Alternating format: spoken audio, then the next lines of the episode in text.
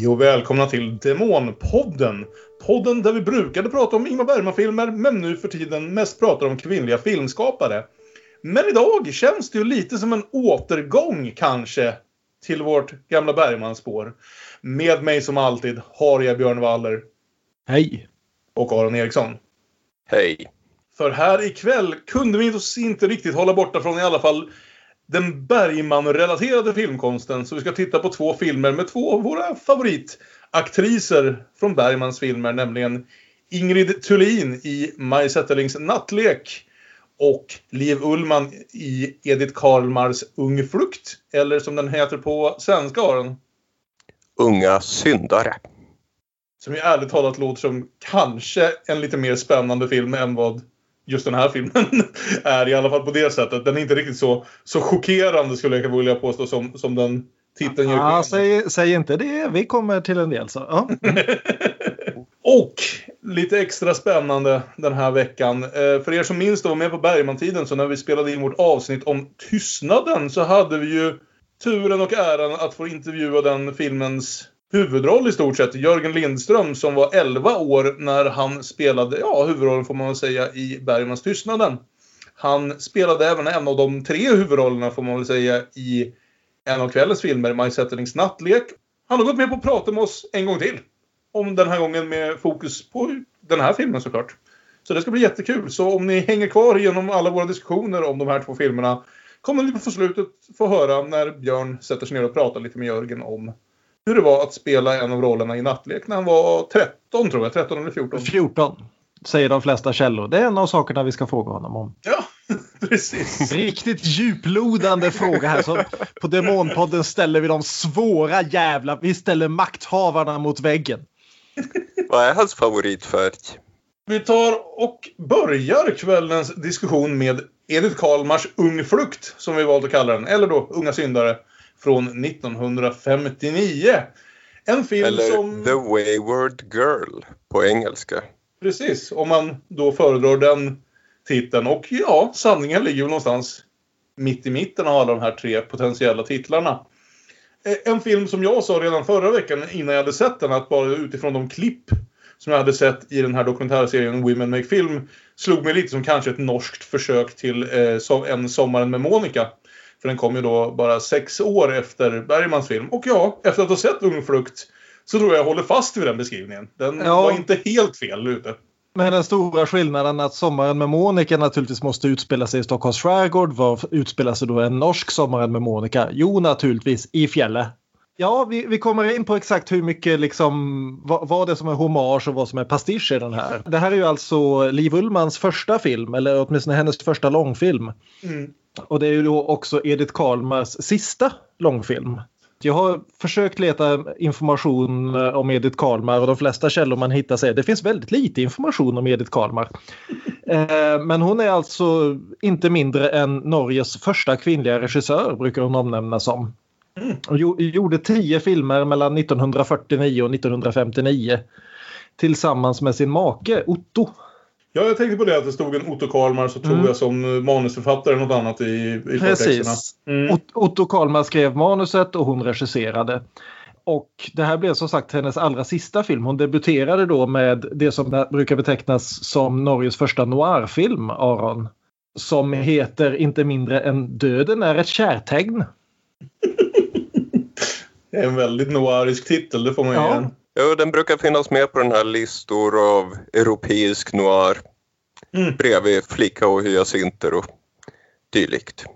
Det är lite oklart varför hon slutade regissera efter då just den här Ung Flukt. Ja, alla källor jag hittat säger bara att hon slutade regissera där. Men hon och Otto förblev gifta och hon återkom på äldre dagar som karaktärsskådespelerska.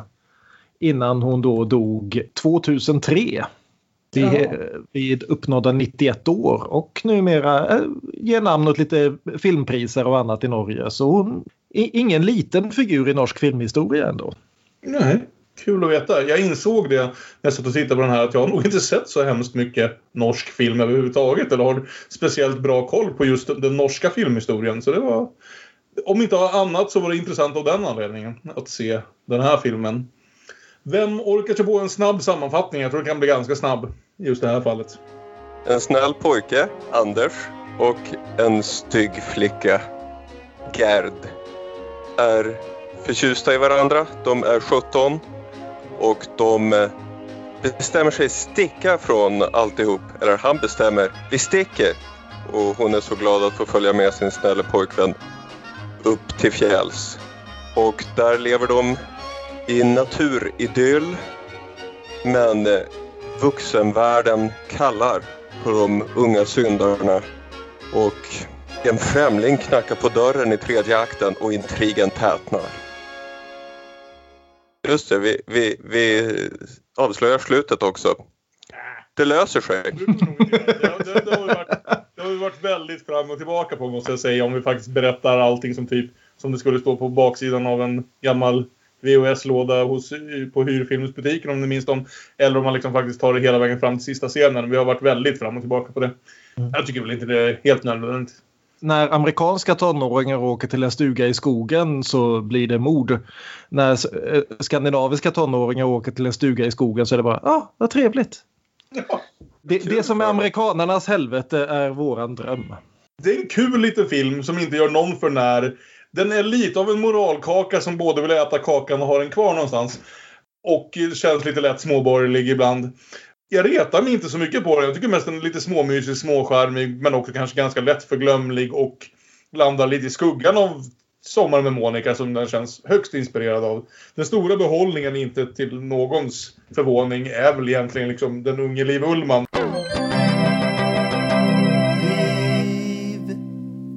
Som redan här kanske inte uppvisar nödvändigtvis stort skådespel i stil med Harriet Andersson i Sommar med Monica, men i alla fall en hel del charm och karisma. Vilket väl är mer än vad jag kan säga för den unga herrn som spelar hennes, hennes kära pojkvän, som jag nu har till och med har tappat namnet på. Jag undrar lite grann hur mycket det är medvetet. För jag får mm. lite grann känsla av att det här är en film med två skapare där manuset vill göra en rak Sommaren med Monica och regin vill driva lite grann med det eller ifrågasätta det lite grann. Mm. För jag tycker regin står mycket mera på Liv Ullmans karaktärs sida än vad texten gör. Det kan ligga något i det. Hon gör verkligen mycket för att framställa den här Anders som världens fjant.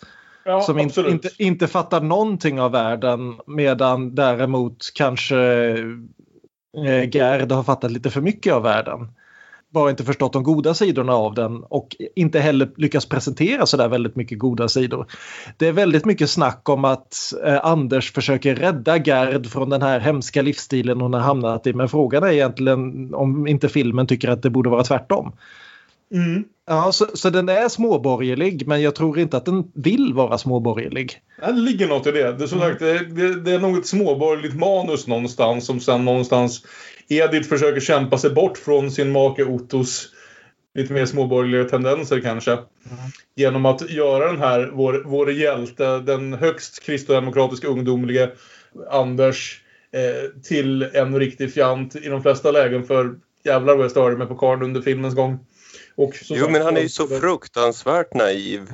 Ja. På gränsen till galenskap. Har läst lite Hamsun och vill bara Oh, civilisationskritik. Gud vad äkta. Jag ska ut på landet. Mm. Gå omkring barfota. Eh. Ja, för någonstans började ju liksom Sommaren med Monica med den här, liksom, bara för den naturliga jämförelsen, vi behöver inte prata för mycket om den. Men att se till att vi liksom sympatiserade hyfsat med, med Lars Ekborg i den genom att se vilken situation han befann sig i liksom, innan han ens träffar Monica. Med, och dessutom försätta honom tydligt liksom inom en arbetarklass som i alla fall för mig gör det lite lättare att sympatisera. Eh, vi får inte en känsla av liksom inga sådana försök till att ens till varför vi ska bry oss om hur det går med Anders. För vi först presenteras det honom när han liksom sitter och försöker övertyga sina föräldrar om att han ska få dra iväg, om så bara för en kväll, med Gerd ut på bio. Och eh, mamma direkt tycker att det här verkar vara en dålig flicka. Man undrar hur de vet det. Jag vet inte om det liksom går... Om det bara är rykten på stan som vi ska tänka oss eller så. Jag faller riktigt klart för mig exakt uh, vart det är de bor heller för den delen. Men det känns väl som en småbygd av något slag. Det är en väldigt gullig scen där man först träffar hans familj. Okej, okay, det börjar med att våra unga älskande sitter i en bil mm. under förtexterna under alldeles för glad musik. Och det är Musik, väldigt... Överhuvudtaget musiken i den här filmen är inte helt välvald. Det är ju mest den här jävla folkvisan som de sjunger om och om igen i olika instrumentala varianter. Eh, de, någon har kommit på att texten till den visan passar hyfsat väl in i berättelsen de försöker berätta. Då får de liksom leva med att musiken är hit och dit. De sitter där i bilen, den klassiska bilden filmad från motorhuven. Björn kan säkert berätta vilken sorts bil de har. Han brukar göra det när det är en bil. Ja, det är en folkabubbla. Se, han kan allt om bilar. Det visste jag inte innan vi började podda. Och så zoomar det in på ett ansikte, vi går in i hans tillbakablick, sen blir det hennes tillbakablick. Så det börjar ju ganska noir, just den biten. Ja. Men det är en fin scen hemma hos Anders vi får där. Det är ungefär så noir som det blir. Ja, det är kanske lite där i tredje akten när det Mm. svänger till. För, för att vara en småborgerlig familj så bor de väldigt, väldigt trångt. Alltså lägenheten de bor i är mycket mindre än den som eh, Lars Ekborgs familj bor i i eh, Sommaren med Monica. Mm. Det ser ut som om de har typ åtta kvadrat att bo på. Då ska de ändå ha in ett piano och finmöbler. Jag tänker att de inte är så mycket rika som kristna nödvändigtvis och Ja. därmed har liksom eh, är så lyckliga över det här som de pratar om flera gånger att han ska iväg liksom på, på universitet och så vidare. Eh, Ja. Och är rädda för att Gerd ska dra in honom i något eh, fuffens innan dess så att han inte kommer bli den här stoltheten för släkten.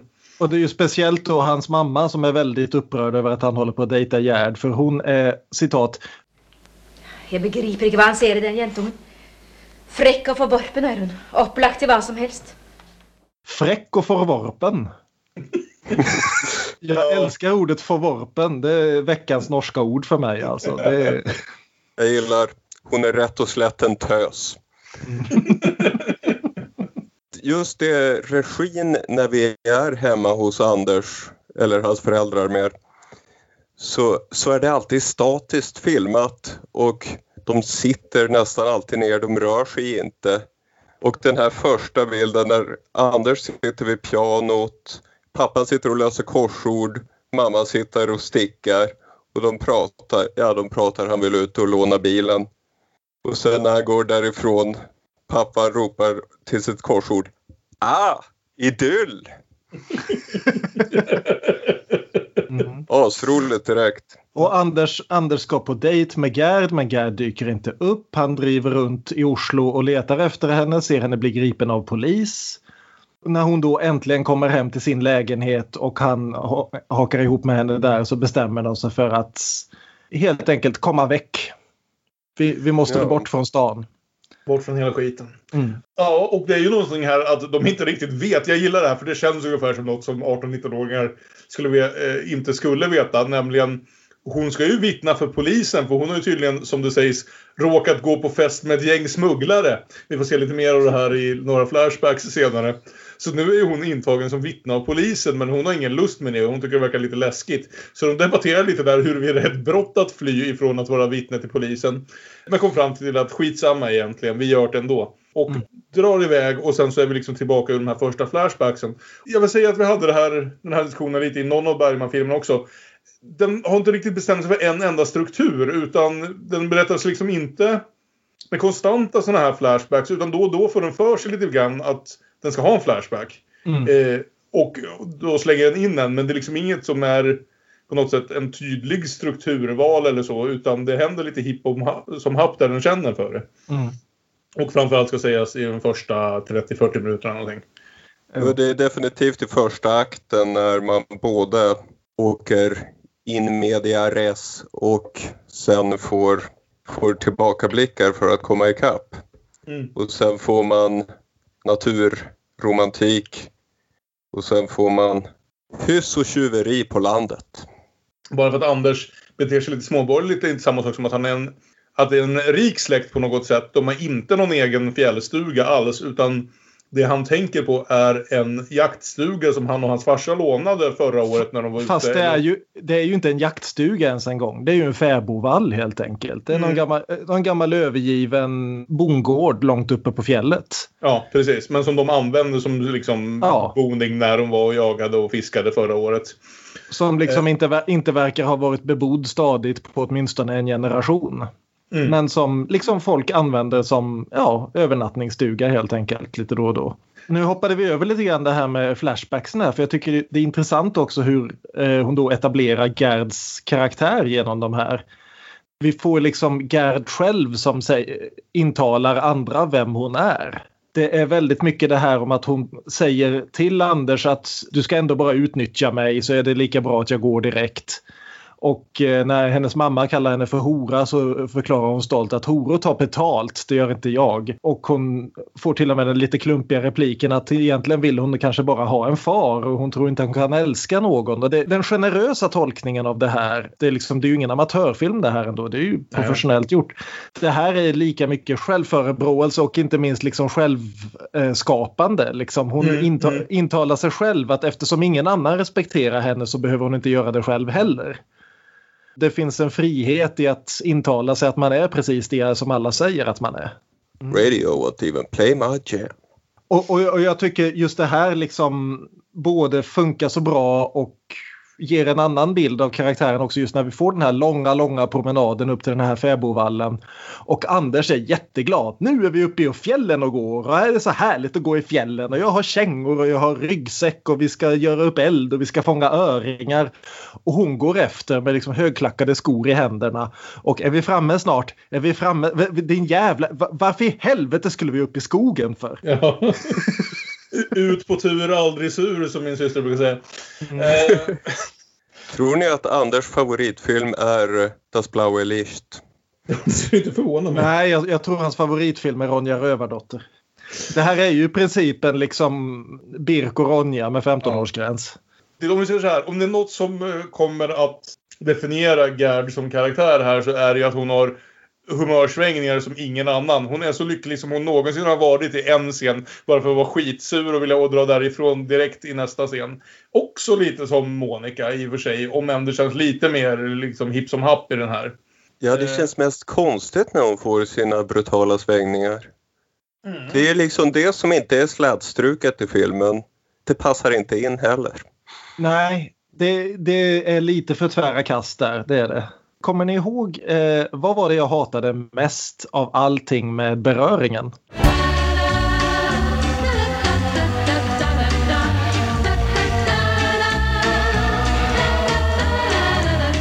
Det var ju musiken på radion.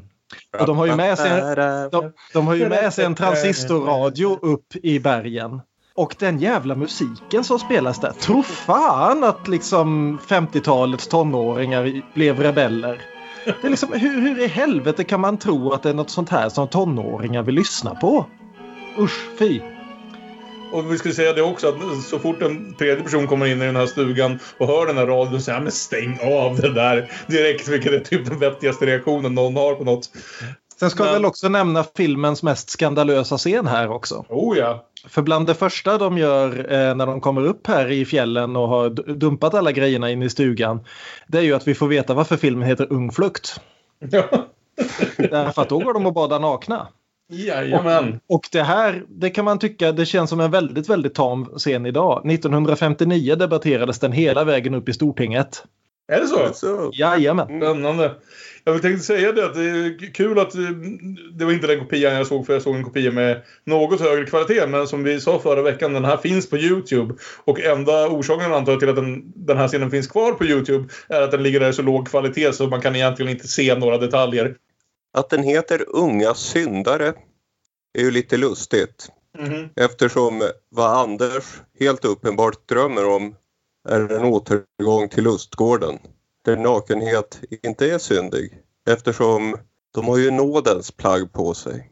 De är där så oskyldiga mm. i naturen. Ung lustgård hade varit en titel. medan de håller på här uppe i alla fall och lever det de intalar sig själva är en idyll för det är uppenbart att ingen av dem egentligen är speciellt bra på det. Nej. Anders kan visserligen fånga öringar men han har verkligen inte tänkt igenom det här alls så klipper vi tillbaka till föräldrarna som får samtal från länsman som har hittat bilen. Och pappan som är praktisk börjar helt enkelt packa ryggsäcken och tänker ja men då åker jag upp dit och hämtar pojken då. Och vi får en ganska fin replik här ändå som jag gillar liksom att... Hon är en dålig pike. Ja, i så fall är det vår son som gör inte det. for tiden. Om det är dåligt att göra precis det som han övertalar henne att göra, det liksom, vem, vem, är, vem är vår son i så fall då? Mm. Så jag, jag tycker mycket bättre om pappan än mamman i den här familjen. Alltså, han, Jag han, är, han, är, han är lite aningslös och lite hjälplös men han, har åtminstone hjärtat på rätt ställe. Ja, mamma nu får inte heller vara med alls lika mycket och när hon får vara med så får hon sitta och gnälla på hur hemsk Gerd är. Så de är verkligen liksom... De har bestämt sig för vart våra sympatier ska ligga här, helt klart. Alltså som sagt, jag vet inte riktigt vad sensmoralen blir med den här filmen. För den, visst, den är inte helt och hållet att vi liksom ska vända oss emot Gerd och tycka att hon drar Anders i fördärvet. Utan det handlar ju snarare om att även Gerd går att rädda. Vilket också är lite 50-talstradigt kan jag känna. I alla fall Ja, eller, eller som sagt om det är Anders som behöver räddas eller om Ja. det går åt helvete för dem bägge två. Slutet lämnar ju det lite öppet. Vi lär ju också känna här lite, lite bättre, vad heter det, Gerds mamma som ju... Återigen, det är ju 50-talsnivå på liksom den psykologiska analysen här. Men i stort sett är det att Gerd har blivit sån här av att hon har en mor som inte ens riktigt har koll på vem hennes far är. Och som verkar vara lite, vad ska vi säga, le, le, leva lite friare och eh, enligt lite mindre strikta regler och eh, liksom klassiskt kristet uppbringat än vad, vad heter det, Anders har blivit. Och det är liksom så långt som vi går i varför det blev på det här viset. Ja.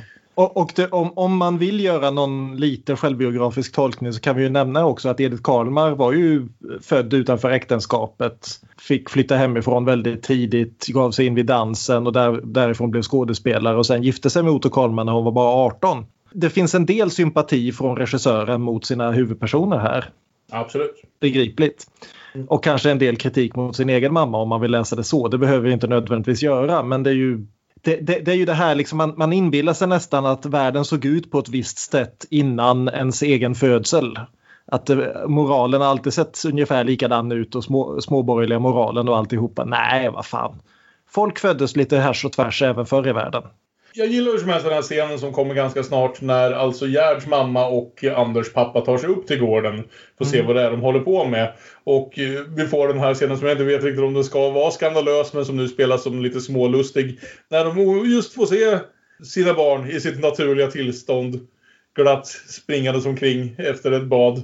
Och Ja. eh, blir eh, förvånade kan vi väl säga. Inte nödvändigtvis chockerade. Nej.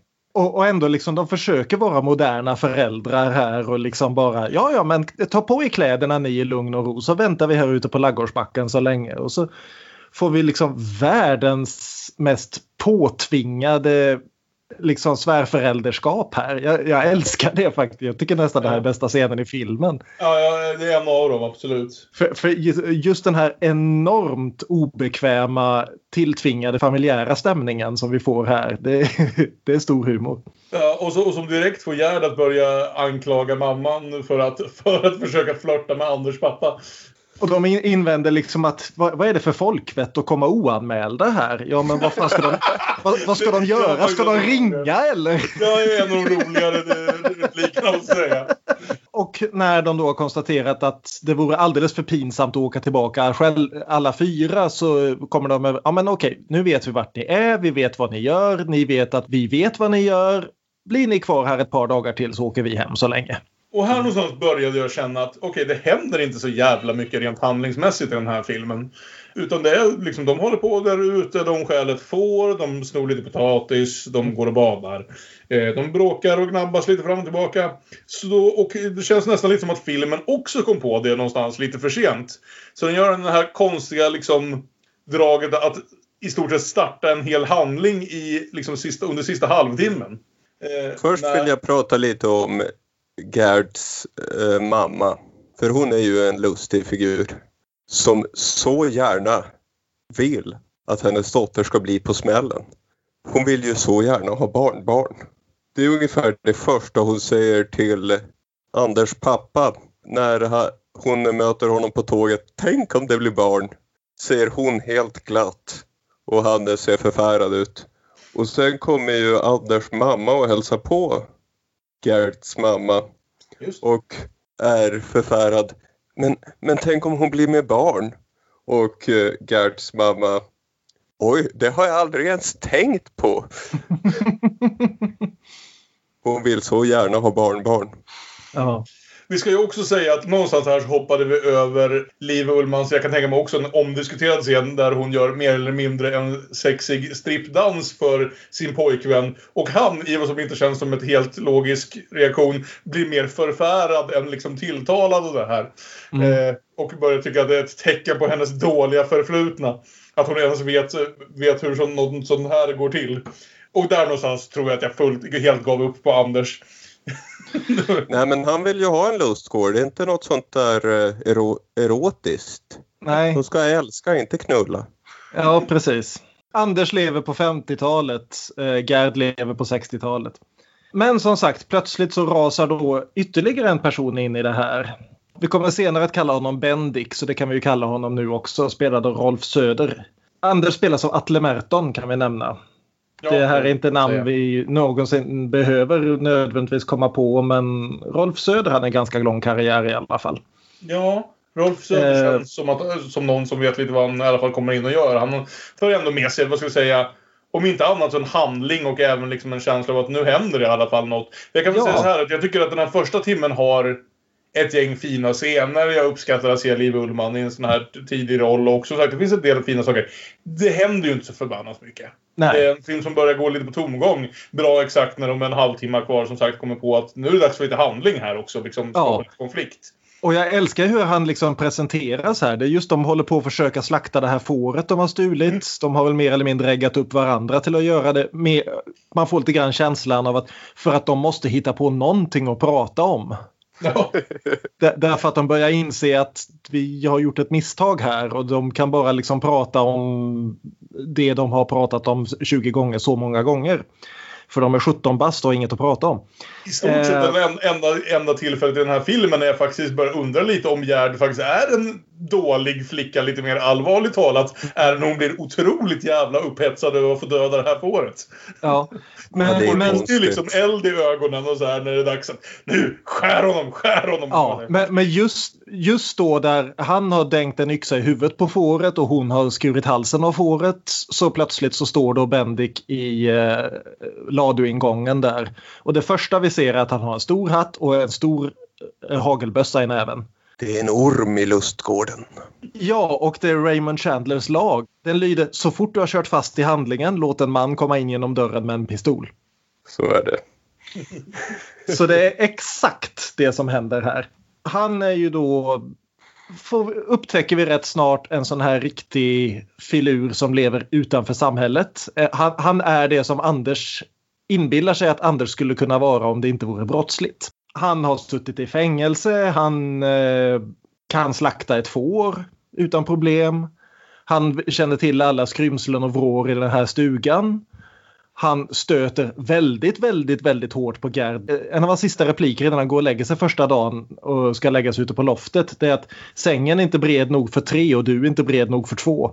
Mm. Och, och hon verkar ju inte helt ouppskattad om det här får man ju lov att säga. Nej, därför att hon är ju dödstrött på Anders. Ja. Och det förstår man. Ja, snacka om. Jag menar bara den här repliken som fälls nästa morgon då där Bendik har varit ute och jagat redan på morgonen och skjutit en fågel och Anders blir alldeles Jakten på småvilt begynner ikke før 20. september. hur kan, du, hur kan du ha gjort det? Jaktsäsongen börjar ju inte förrän 20 september. Det var nog fan det jag skrattade högst åt i hela filmen. Det är också där jag verkar bestämd mig för att jag inte tycker om Anders och aktivt hejade emot honom i den här filmen. Ja. Alltså man förstod ju väldigt mycket vart den var på väg vid det här laget. Men Tänkt att vem vet, någon liten subversiv twist kanske har letat sig in i det här. Och det slutar med Anders olycklig på något vänster. Jo, precis. Och Bendik övertalar dem att ja, men vi måste ha mer grejer. Vi går ner till lanthandeln. Ja, men har du några pengar då? Nej, men här på landet är det inte så noga med öppettider utan om går vi efter öppettider så kan vi få ett väldigt bra pris. Som det heter. Det blir lite folk och rövare i Kamomilla stad över det här. Så de bryter sig in, de rånar butiken. Anders får dåligt samvete och lämnar kvar alla pengar de har. Bendik kommer tillbaka och stjäl de pengarna också. Det händer i alla fall en hel del mer i den här sista halvtimmen, det får man ju lov att säga. En sak jag älskar med den här vändningen som filmen tar här, liksom att Edith har ändå liksom, det är ju tio års erfarenhet här av noir och lite allt möjligt att den här fäbodvallen, det händer inte mycket i handlingen förrän Bendik dyker upp.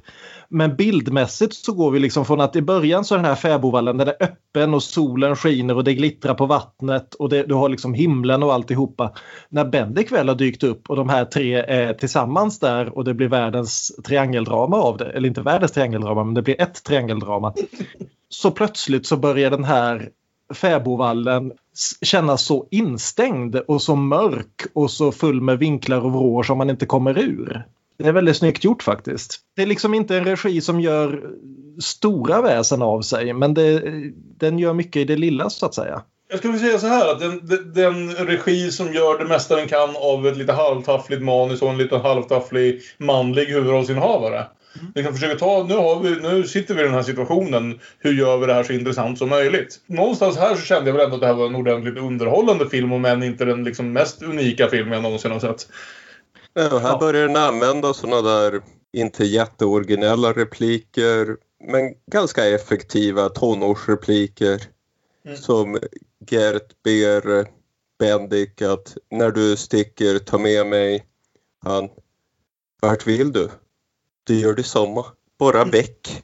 Och Anders är ju oerhört svartsjuk. Och här någonstans återvänder även för vad som är kanske den konstigaste, mest utstickande scenen i filmen. Återvänder Gerds mamma upp hit eh, till stugan för att få träffa Bendik och Bendik går verkligen för the devil's threesome här. Alltså, han flörtar re rejält med både mor och dotter. I en scen som börjar dra åt David Lynch, ärligt talat.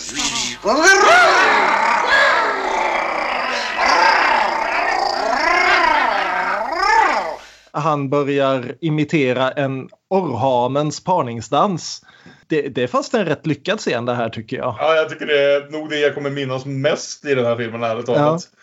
Förmodligen den här dansen. Och sen också inte minst det här att han ändå är lite medelålders till den här dansen. Det är inte som att han vill verka hur ung och viril som helst. Utan han gör orrhanens parningsdans i sådär 90 sekunder. Och sen bara, jag är så jävla trött, jag måste gå och lägga mig.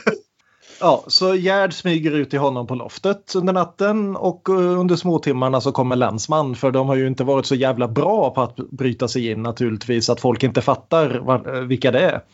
Särskilt inte när Bendik typ precis nyss blev uh, utsläppt ur fängelset och här någonstans får vi även reda på det att det är ju faktiskt hans stuga som de har ja, brutit in i. Da, da, da. Så det, ja. känns, det var kanske inte så svårt för länsman att lista ut precis vem som var mest misstänkt i området så att säga sen så liksom rundar filmen av lite grann här. Eh, Anders föräldrar får komma och baila ut honom från länsman. Mm. Vilket går ganska bra därför att eh, Anders pappa är ju kompis med länsman. Så då, det, är liksom, det är lite good old boy som gör en deal här. Nej, nej, så fort får du inte gå. När du ändå är här vill jag snacka jakt i en timme så, så fort de bara har gripit eh, Bendik och eh, Gerd också så ska Anders få gå helt fri och få gå tillbaka till sin fina karriär där han ska bli ingenjör. För vi, vi kan ju inte liksom låta fina vita pojkar, medelklasspojkar drabbas av konsekvenser. Vilket väl ungefär är den mest realistiska biten av den här filmen känner Ja. Så Anders smiter ut och drar tillbaka till fäbon med yxan i handen och ska befria Gerd. Gerd är inte sådär väldigt pigg på att bli befriad. Det blir fighting, han klubbar ner Bendik och bränner ner ladan. Så kommer de fram till att eftersom Anders var villig att döda för Gerds skull så älskar hon honom igen. Jag kunde dräpt den. För min skull? blir så glad. Det är helt klart att Gerds främsta turn-on är våld. Hon är fan mm. aldrig mer till sig som dels när de slåss i en brinnande lada eller när hon får döda ett får. Visst, här ringer även mina varningsklockor likväl som Anders mammas känner jag. Ja. Så när, det där om att vara en dålig pige tror jag inte, det handlar, vi säger inte om exakt samma saker men Anders och Gerd vandrar tillbaka ner från fjället medan Bendik sjunger den här visan han har sjungit med text av Alf Preussen ska sägas. Att och jänten och gutten gick samman till en präst och refrängen gör inte det du ångrar då faller tiden lang. Mm. Det vill säga, gör du ett misstag så måste du leva med det sen. Och här går de iväg för att gifta sig och leva tillsammans och det är kanske inte en speciellt bra idé. Eller så är det det. Har Anders räddats från sin naivitet? Har Gerd räddats från sina dåliga vanor? Slutar allting lyckligt? Eller går de in i tredje akten av Sommaren med Monica här? Ja, exakt. För jag tänker så här, Gerd har tröttat på Anders sådär varannan minut under den senaste timmen av den här filmen ändå. Måste Anders helt enkelt släcka Gerds törst efter våld med jämna mellanrum framöver nu? Måste Anders bli seriemördare för att få Al- behålla al- Gerd? alternativt pappan i Raw. Att sista scenen där. Hon får tugga lite på honom ibland. Och där slutar filmen. Ja. En fin liten grej som jag kanske inte så här fann extremt minnesvärd. Särskilt inte med alla paralleller man kan dra till Sommaren med Monica som för den delen inte heller är min favorit Bergman-film. Men, men ändå ett snäpp mer minnesvärd, måste jag väl säga. Men det finns ju bra grejer här. Den var ju aldrig tråkig. Det var ju ofta underhållande. Bara önskar att jag, att jag brydde mig om, om den manliga huvudrollsinnehavaren överhuvudtaget. Ja, det, det känns lite grann som att filmen är kluven i två hälfter. Liksom. Att d- den är inte en helt lyckad tonårsdrama och den är inte en helt lyckad thriller. Nej. Och det känns som att den, hade den satsat på det ena av dem, gärna thrillersidan, för jag tycker nästan den funkar lite bättre. Ja, Därför att där, där känns det som att det finns ett allvar medan tonårsromanssidan känns som att regissören liksom, åh herregud, men kan ni verkligen ta det här på allvar? ja. Hur, hur fånig kan jag göra den manliga huvudrollen innan ni fattar att det här är pastisch? Precis, det ligger något i det. Det, det, var, det liksom klickat lite när du berättade att hennes första film var, var en film noir. För som sagt, det är när de bitarna kommer in som både liksom hela filmen vaknar till liv lite mer och framförallt kanske just liksom registilen och annat. För det, är liksom, det är inte det mest unika jag någonsin har sett men sista halvtimmen är ju engagerande i alla fall. Jag tycker det blir effektivt och bra driv. Jag håller väl med er till punkt och pricka. Det var, var ju kul det här med norsk film. Sånt kanske man borde titta mer på. Jag kollar faktiskt upp det här. Jag har sett pinsamt lite norsk film inser jag. Genom åren. Det kom precis upp, lagom till Halloween nu, så kom det upp en norsk eh, skräckfilm som heter Kadaver på Netflix. Jag har inte sett den och jag tror inte jag kommer att se den. Men ja, Den finns. det finns åtminstone tre norska filmer. Ja. Ja, men vad tycker vi om Livs insats då i sin allra första långfilm? Man vill inte låta för creepy old man här nu inser man att man har nått en ålder. Men hon är ju tilltalande. Precis lite på, som Harriet Andersson var i Sommaren med Monica och definitivt väldigt, väldigt karismatisk. Eh, liksom Liv har ju en lite, vad man får säga, alltså movie star karisma här. Och jag, sen så är det ju väldigt svårt att säga om det är för att vi redan känner Liv och har sett henne göra, gå vidare till liksom bättre, större grejer och sådär. Men för att vara en sån här roll, alltså som sagt den närmaste jämförelsen att göra är väl Harriet Andersson och medan Harriet i Sommaren med Monica är en sån här verkligen liksom stjärnskapande roll där hon är helt otrolig i den och även, ska vi säga, av regissör och manusförfattare får utrymme att vara otrolig i den. Så är väl det här inte riktigt i klass med det, men det är ju definitivt eh, tycker jag den rollinsatsen som man kommer, kommer minnas mest ändå. Mm. Det är Jag- lite jag- showreel. Hon får göra väldigt mycket. Hon, hon får vara sårbar, uttråkad, arg, lite lätt psykotisk. Precis. Och hon gör ju alla grejerna bra men som karaktär blir det ju splittrat på ett lite hon är jävligt dåligt sätt. skriven. Det finns, ingen, liksom, det finns ingen röd tråd i hur karaktären är skriven. Hon blir väldigt liksom, schizofren. Någonstans i Mm. när hon är sur på saker och när hon är jättelycklig och när hon är eh, bara vill därifrån och när hon vill döda ett får. Ja. När hon gör en psykoblick så är det en jävligt bra psykoblick liksom. Mm, mm. När hon är rolig så är hon rolig. Mm. Om hon dansar som en höna så, så är det en sexig höna. Inget snack om det. Jo, Nej. och, och det, det finns ju ett par scener tycker jag där hon verkligen glänser. Den här fantastiska scenen med eh, svärföräldrarna uppe Mm. i stugan. Du har den här scenen just, den som kommer direkt efter den här stri- striptease-dansen. Där hon då flashar tillbaka till det här partyt med smugglarna och Mm. det, liksom, det går upp för henne hur jävla illa ute hon kunde ha varit där. Mm. Och man ser hur liksom bara stannar upp och någonting liksom drabbar henne. Eh, så det finns ett par rejält bra scener och jag, jag tycker hon är liksom den enda i, hela filmen som verkligen kan ge någon form av jag, jag vet inte vad jag ska säga djup, men energi åt Mm. ga, ganska tvådimensionella karaktärer. Jag tror liksom det finns en del andra bra skådespelarinsatser i den här filmen. Så någonstans börjar jag också tänka om det var lite liksom att vi känner Liv, att vi liksom är väldigt bekanta med henne, särskilt efter förra året. och sådär och hur mycket det spelar in. Men visst, det är ju liksom det blir väldigt klart att de som stod bakom kameran visste att de hade något på händerna här. Och Ja. det var inte Arlie Merton.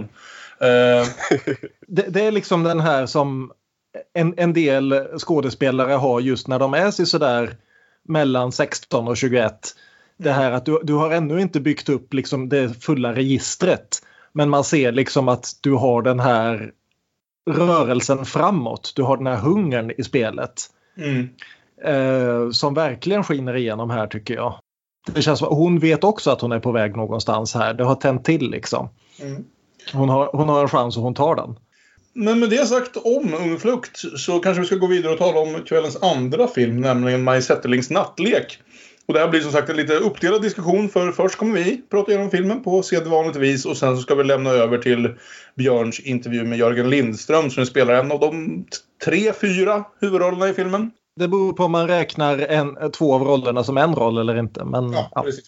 En av de fyra huvudsakliga skådespelarna skulle jag nog ändå säga. Och jag menar, vi valde det här temat mest baserat på att det var kul att få se, som sagt, favoritskådespelerskor från Bergman-tiden i andra filmer. Men även rent tematiskt knyter de här ganska väl an till varandra. Att Två unga män som har formats av religionen får problem när religionen kommer i krock med en begynnande sexualitet. Ja. Och, och, och vi kan ju nämna också apropå favoritskådespelare att det här går ju hela vägen tillbaka till vårt första avsnitt av Demonpodden. För vem gjorde den kvinnliga huvudrollen i Hets? Det var ju Maj Zetterling själv. På, på den tiden när hon i första hand var skådespelerska. Innan Mm. hon gav sig på eh, regi. Och för Maj Zetterling är ju fantastiskt spännande livsöde inom svensk filmkonst. Men det ko- kortfattade versionen började som skådespelerska framförallt i Sverige men senare också eh, framförallt utomlands. Men gjorde då också från mitten av 60-talet ett antal filmer som regissör. Debuterade då med Älskande par 1964. Innan Mm. hon gör Nattlek 66, Flickorna 68, Dr. Glas 68. Och där går luften ur hennes regigärning, åtminstone i Sverige, ganska rejält. Mm. Hon, hon kommer inte att göra en annan svensk film förrän 1986 när hon gör Amorosa. Utöver det så jobbar hon en del utomlands både för tv och film innan hon då dör 1994. När hon gjorde film då på 60-talet var ju en av ytterst få kvinnliga svenska regissörer. Ja, vi pratade ju om det när vi pratade om eh, när vi pratade om det aldrig för sent att under 50-talet gjordes fyra filmer i Sverige av kvinnliga regissörer. Ja. Eh, Det blev något fler på 60-talet men det var ju ändå liksom inte något... Den Maj Zetterling, eh, det var lite hon som var startskottet på riktigt.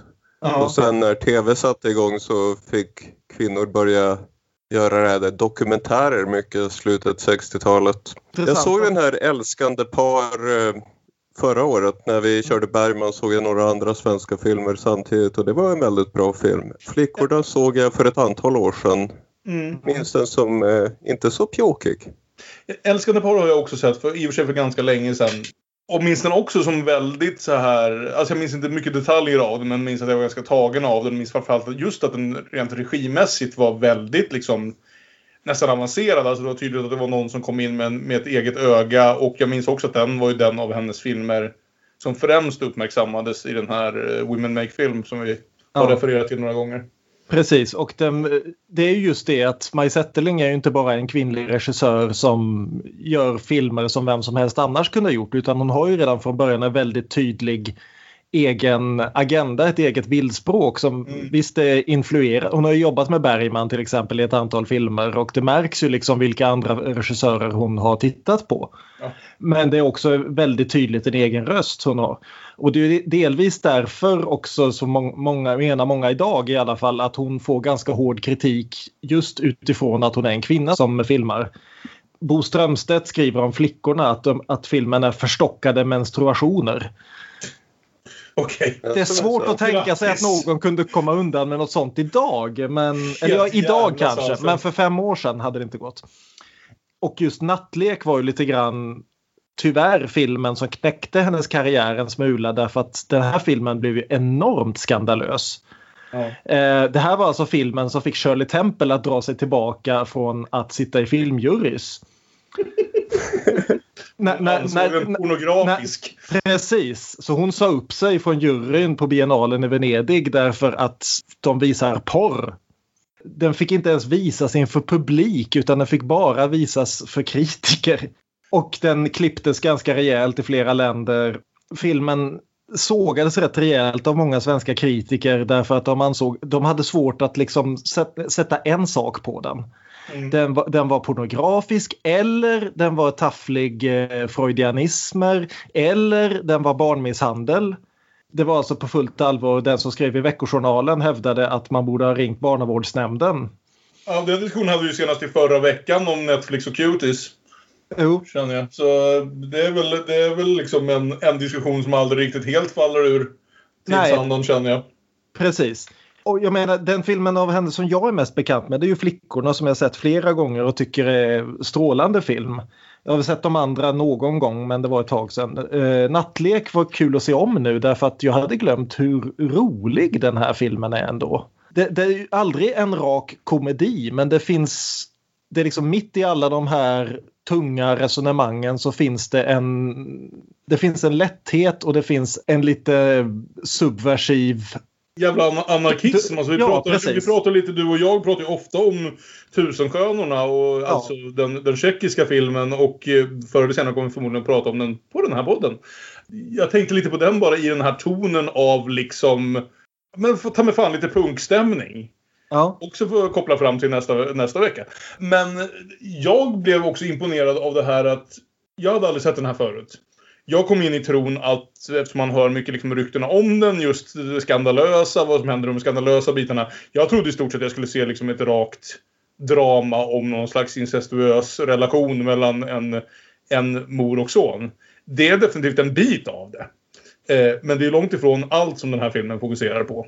Och jag var därför så sjukt imponerad av precis hur mycket annat den innehåller och med vilken jävla säker hand hon regisserar den. Alltså det här är för att vara en, den andra långfilmen någon gör. Så tycker jag det är ganska otroligt. Det ska också sägas att för att vara en så pass en film med så pass mycket drö- drömlogik och surrealism så gör hon den liksom innan Bergman gjort vare sig Persona eller Vargtimmen. Som är de två filmerna han gör som landar närmast i ton. de känns ju väldigt besläktade. Det, det, är liksom, det är ju någonting som är i vattnet de här åren. Absolut. Eh, Det som är i vattnet är väl egentligen att alla har tittat på Fellini och Buñuel. jo, Eh, alltså 8,5 och eh, Viridiana dyker upp 61 och 62 på liksom världsscenerna runt om. Och eh, liksom blir väl en smäll i ansiktet för ganska många andra regissörer. Att jaha! Kan man göra så? Eller rättare sagt så här, man kanske redan visste att man kunde göra så. Men kan man göra så och inte bli sågad av kritiker och inte tjäna några pengar längre?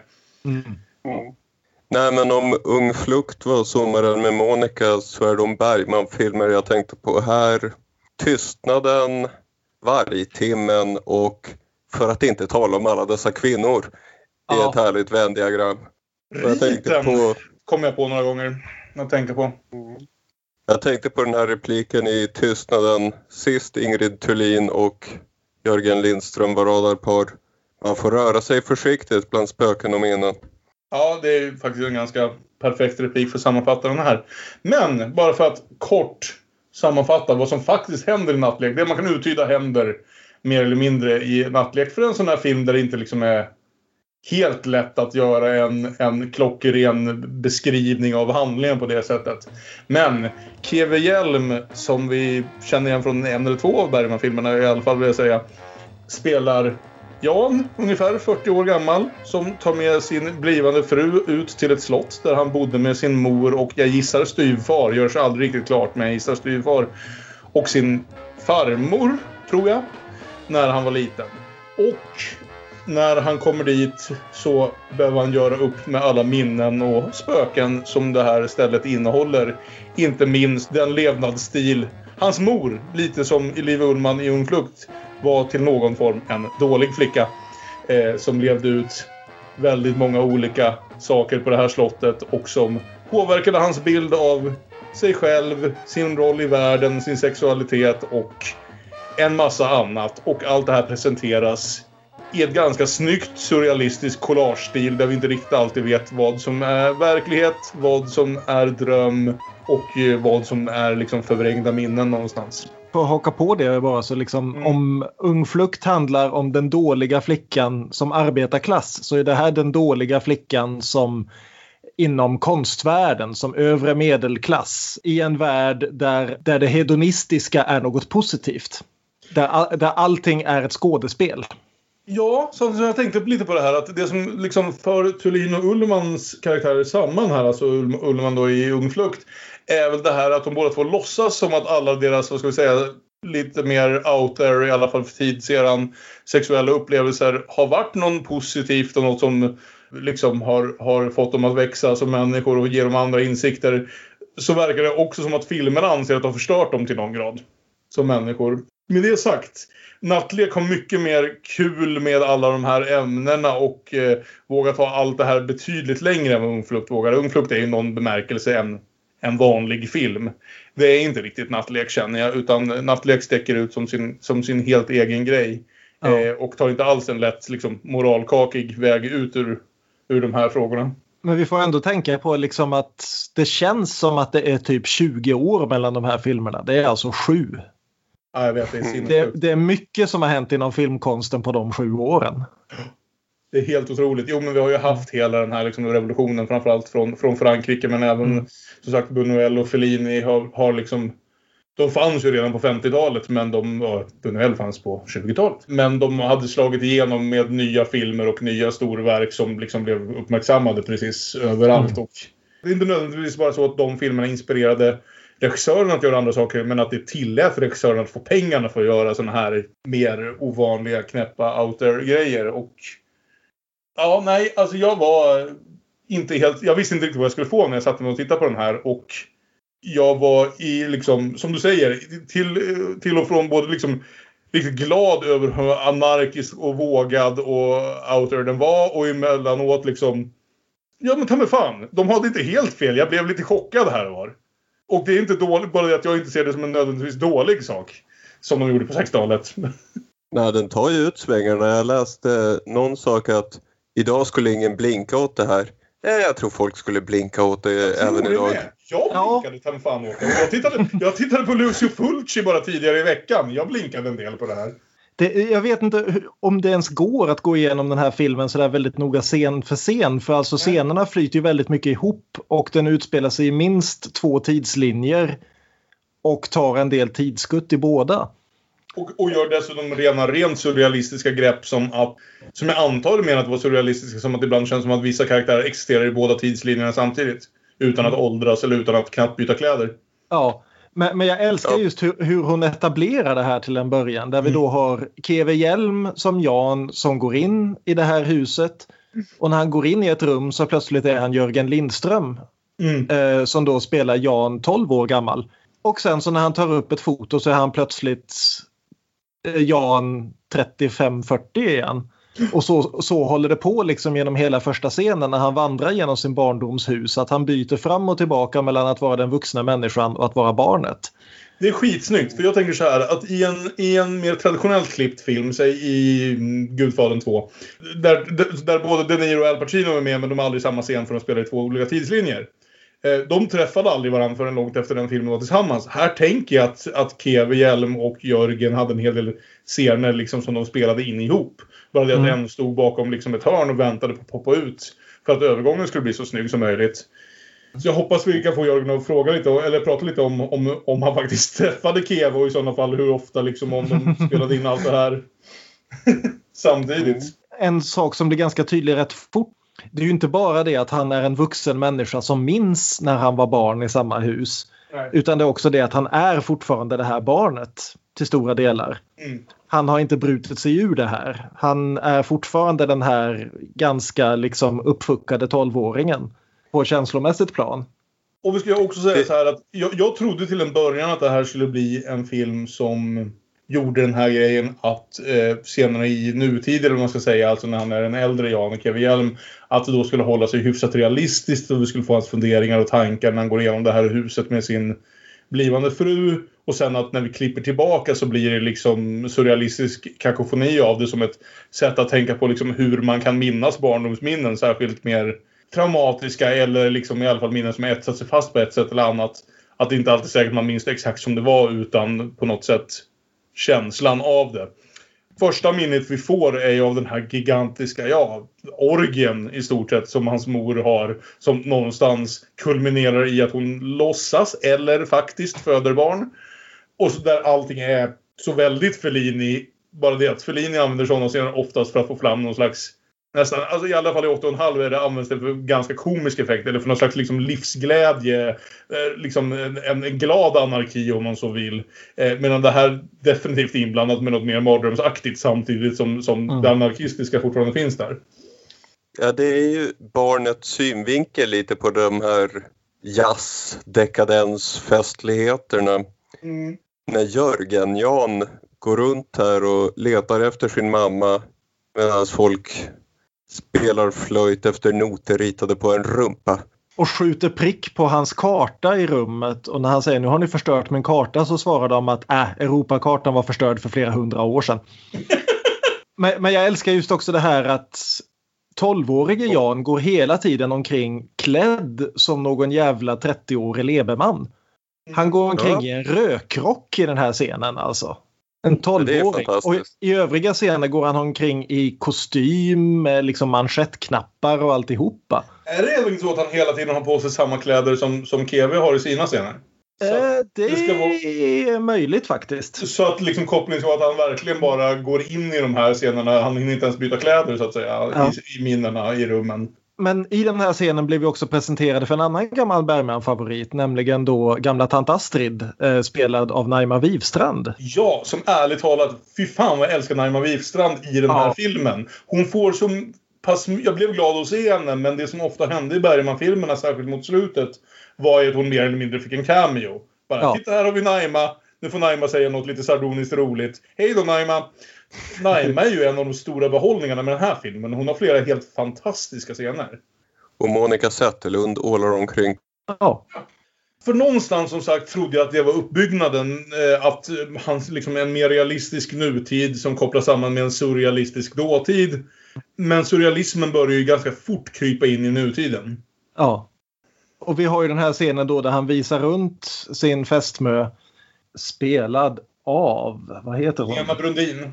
Eh, som helt klart blir castad dels som en bra skådis, mm. men också ser lite ut som en yngre Ingrid Thulin. Vilket... Hon, hon, ser väldigt mycket ut som en yngre Ingrid Thulin och det, det använder Zetterling väldigt väl tycker jag. Det finns flera scener där man verkligen inte har en aning om vilken av dem det är. Det är väldigt välgjort. Men han eh, har den här utläggningen om att du vet inte vad du gett dig in på. Vi ska bo här ute i det här huset och pengarna ska bli en mur omkring oss. Och det är väldigt uppenbart, han vill inte bo här ute med henne alls, men det måste han. För det är det här som är hans föräldrahem och det är det här han ska ta över. Precis, det görs inte riktigt klart varför han ska ta över just nu, för han är typ 40 bast. Och jag antar att... Det, eh, ja, det, är väl helt, det är väl helt enkelt för att hittills har han varit ungkar och inte behövt bo någon speciellstans ja. för han har pengar. Eh, vi ser ju liksom bland det första vi lär oss om vilken situation han är i, att bilen de har kört dit i, nu blir du glad Aron, Eh, bilen de har kört dit är en Volvo P1800 som ju med 60-talsspråk är motsvarande om man hade kommit dit i en Ferrari.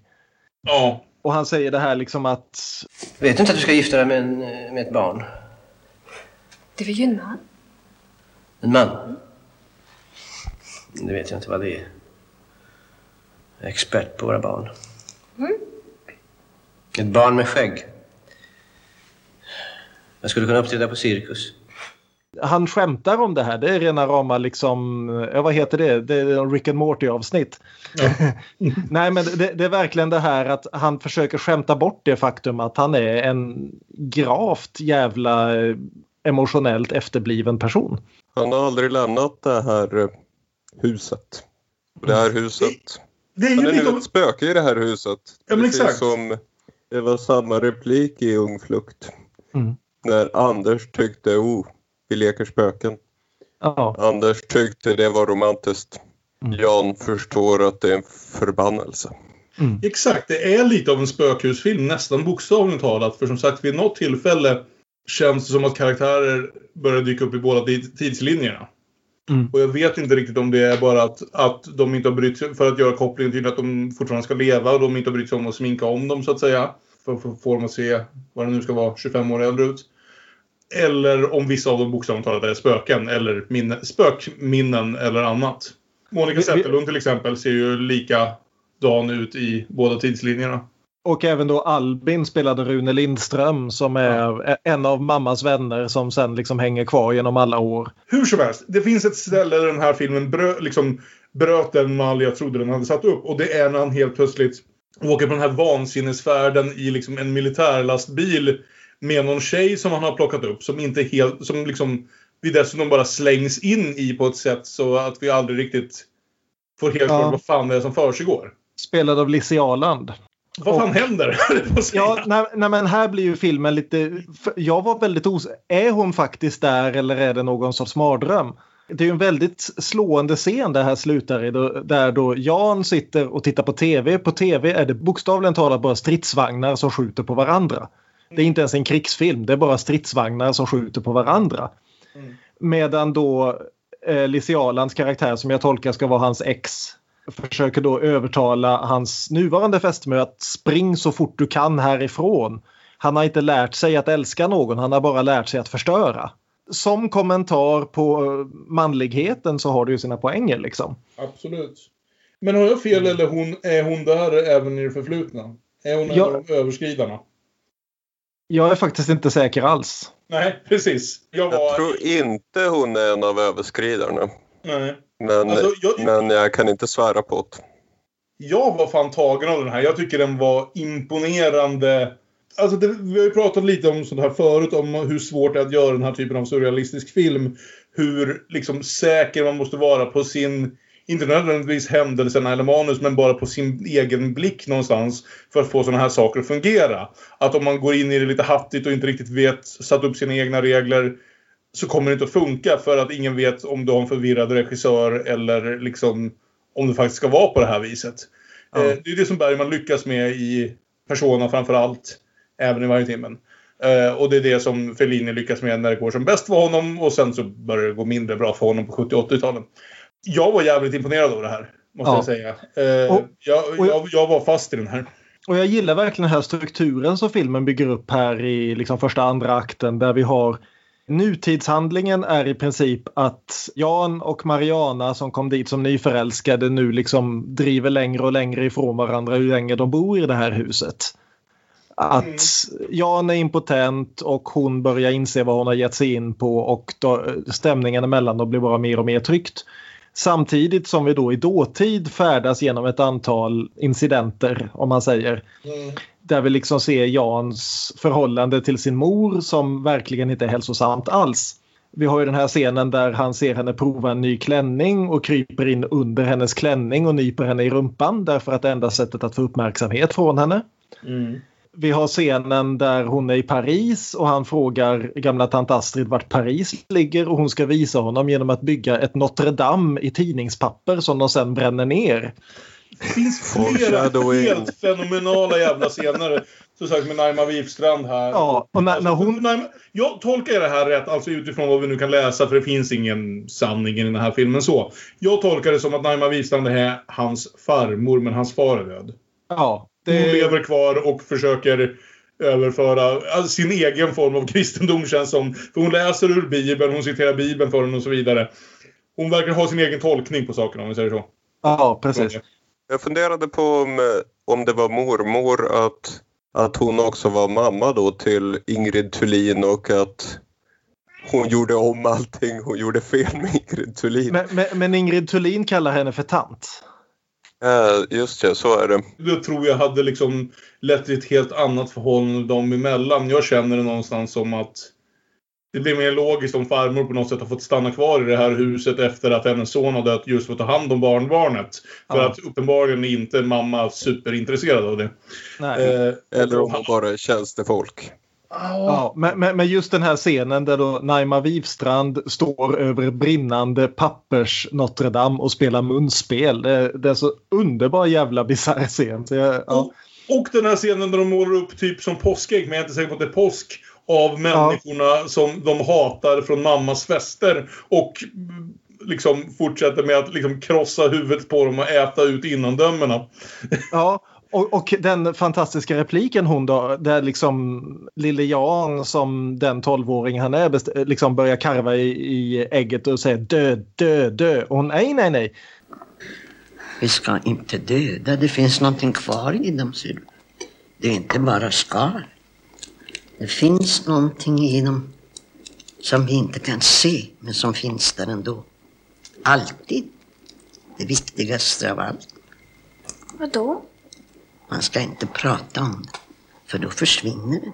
Så där ja. Och, och sen, ja, så gräver vi ut innan mätet. Så här ser du. Och då kan de varken, varken tänka eller, eller äta. Eller dricka med. Och, och, så har vi då den här scenen där Jan för att få någon som uppmärksamhet alls eller vad han nu vill med det, det tror jag inte han vet, vet själv, sminkar sig till Ingrid ja. Thulin. Och plötsligt så har vi tre Ingrid Thulin i filmen eftersom då även fästmön är väldigt lik. Ja, ja alltså jag säga, Jörgen är ju väldigt välkastad som son till, ja. till Ingrid Thulin. Både här och i, i Tystnaden där han tekniskt sett ska vara systerson men lite av twisten är väl att han förmodligen är hennes son. För när han väl får på sig peruken och sminket och lite sådär saker så är det svårt att förneka hur lika de är varandra. Och det leder ju oss ju in i vad jag gissar är kanske den jobbigaste scenen vi har diskuterat i den här podden hittills. Ja. ja. Han tar ju liksom steg för steg att närma sig sin mor. Och det mm. som slutligen ger honom uppmärksamhet är ju när han låtsas vara sjuk. Då blir mamma öm och ska läsa för honom. När han ligger där i sängen ska han få lite bibelhistoria. Det här är Jörgens sista film och jag gissar att det finns en anledning till det. Ja, eh, för att alltså det är ju, blev otroligt uppmärksammat, kontroversiellt och av en anledning. Det här är en sjukt obehaglig jävla scen. Jan ligger under täcket naken. Mamma kommer in och kittlar honom och täcket glider av honom. Mm. Och det, han är väldigt naken. Mm. Eh, en 12-åring spelad av en 14-åring. Hon börjar läsa för honom och hon läser Höga visan, den här sexiga biten av Bibeln. Och under tiden så börjar han försöka söka närhet på det enda sättet han har sett sin mamma söka närhet. Så han börjar smeka henne och smeka sig själv samtidigt. Och hon blir väldigt upprörd, inte för att han onanerar utan för att han gör det under täcket. Därför att sexualiteten är något sunt som ska levas öppet. Lilla as! Göra det under täcket! Har de redan lärt att det är något snuskigt? Det ska vara oskyldiga barn. Svin! Svin är de som snuskar till allting. Bleka ansikten som, som klämmer ur sig några droppar och vänder ryggen till och somnar. Alltid detsamma. Alltid mörkt. Och sliter av honom täcket och skriker åt honom att gör det nu när jag ser på. Samtidigt känner jag att det är ett fördömande någonstans. Det är ju en utmaning som hon vet att han inte kan leva upp till. Som jag inte är säker på att ens hon vill att han ska leva upp till. Men det är inte heller, vad ska man säga, It's not proper parenting. Nej, eh. det kan man lugnt säga. För Ingrid Thulins karaktär i den här filmen är ju, ser vi ju bara via hans minnen. Och hans minnen är tydligt från början eh, alltså vridna av att det är hans minnen. Mm. Och han är en person som inte mår helt bra över något av det här. Så det är inte på något sätt att man förväntas se det här som, som vem hon faktiskt var. Att det faktiskt var så här vridet, så här både i hennes fester och i hennes klädsel och i hennes beteende. Men vi får ju ändå känslan av en person som försöker intala sig själv att det är den här livsstilen hon vill ha. Ja. Men som inte faktiskt mår bra av den. Jag får aldrig en känsla av Alltså det, för att jämföra med andra Ingrid Thulin-roller som vi såg under förra året så tänker jag på Ingrid Thulin i Viskningar och rop. Den här sammanbitna jävla vreden bakom precis allt hon gör. Ja. Och jag tänker också att i just den här scenen så är det lite grann det här. det, är liksom, det är 1966, det är i början av den här eh, kärleksrevolutionen eller vad man nu vill kalla det. Den här fria kärleksgrejen som på något vis ofta blev liksom en ursäkt för männen att ha harem.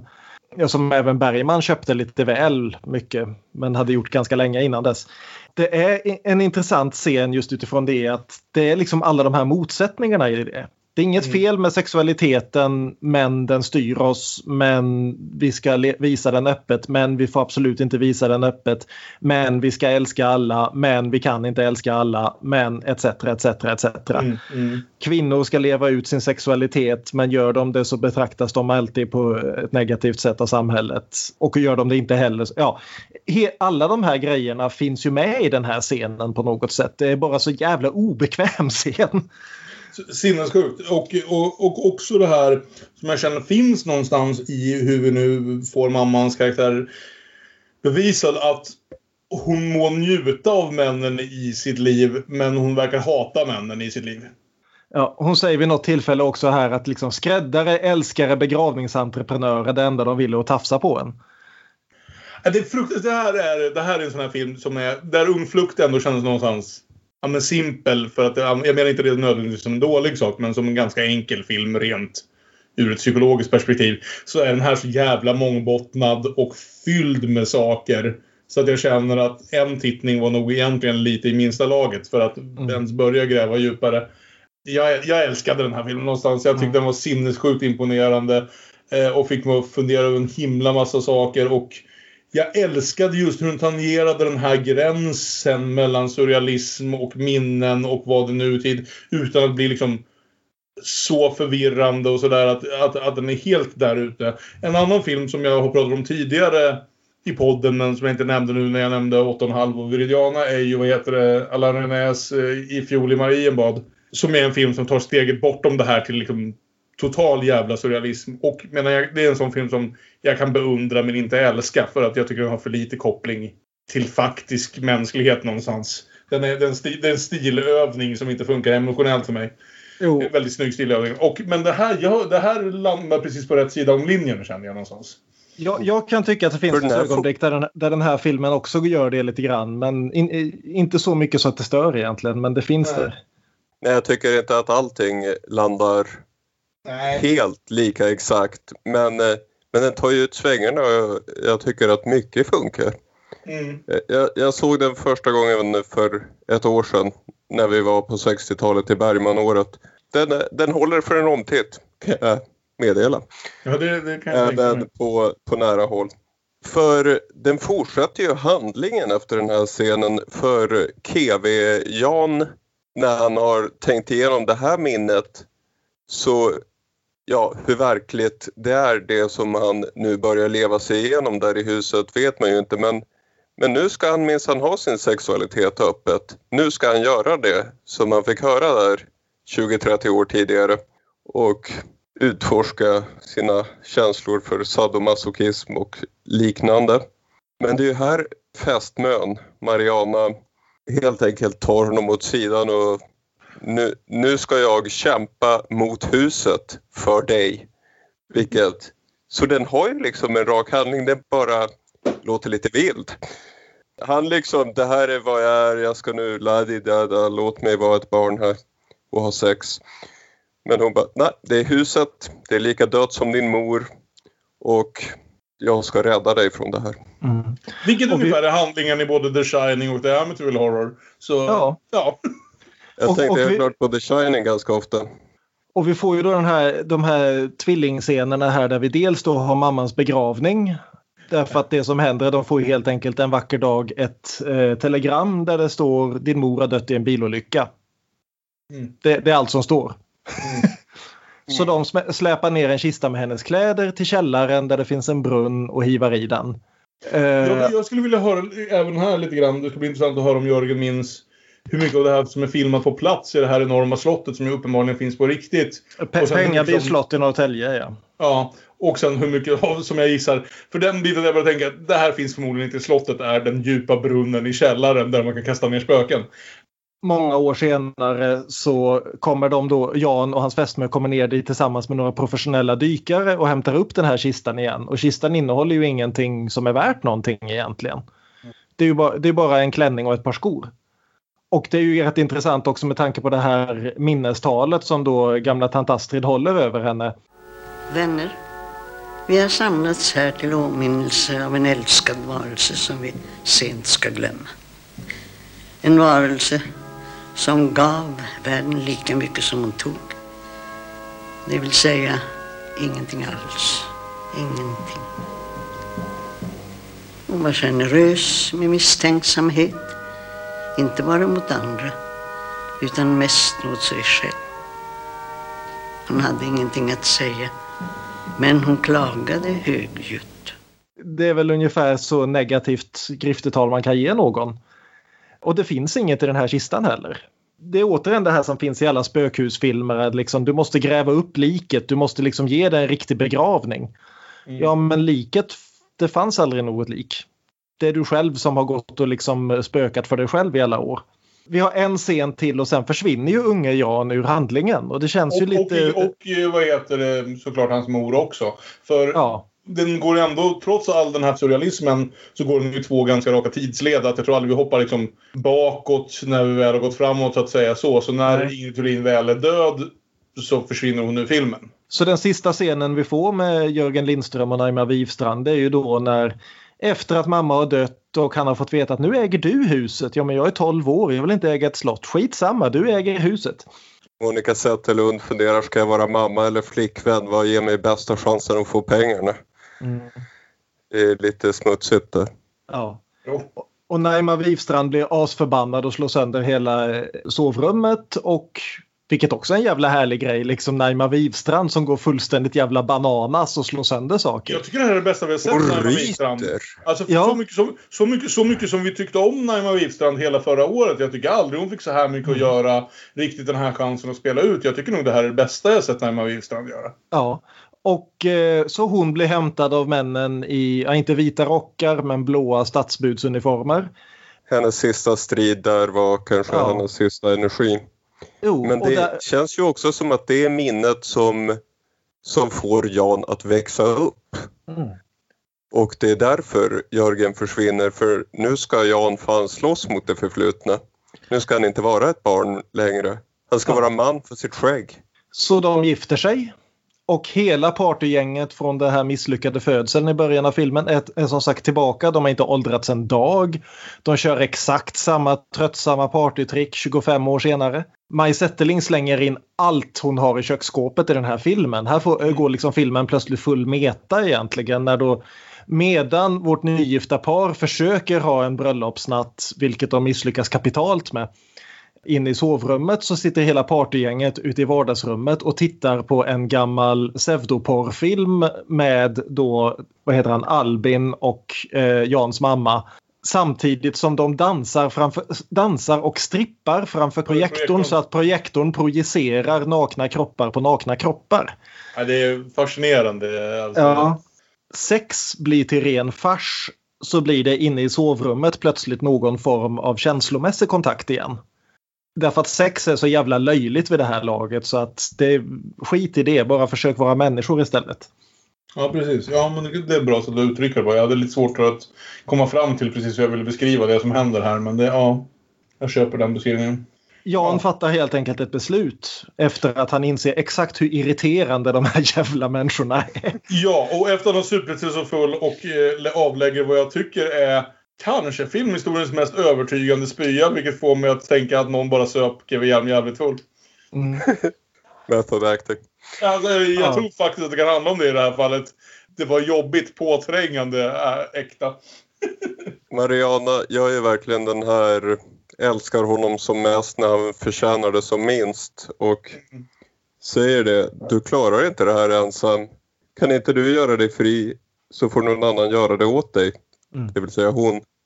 Och hans svar på det är den här spyan. Så hjälp mig. Ja. Så, så Jan gör helt enkelt det som han gör i det här läget. Han ger sig själv en deadline. Han bjuder in alla till en sista fest. Vad vi behöver nu ett party. Ett party? Ett sista party. Det största. Det bästa.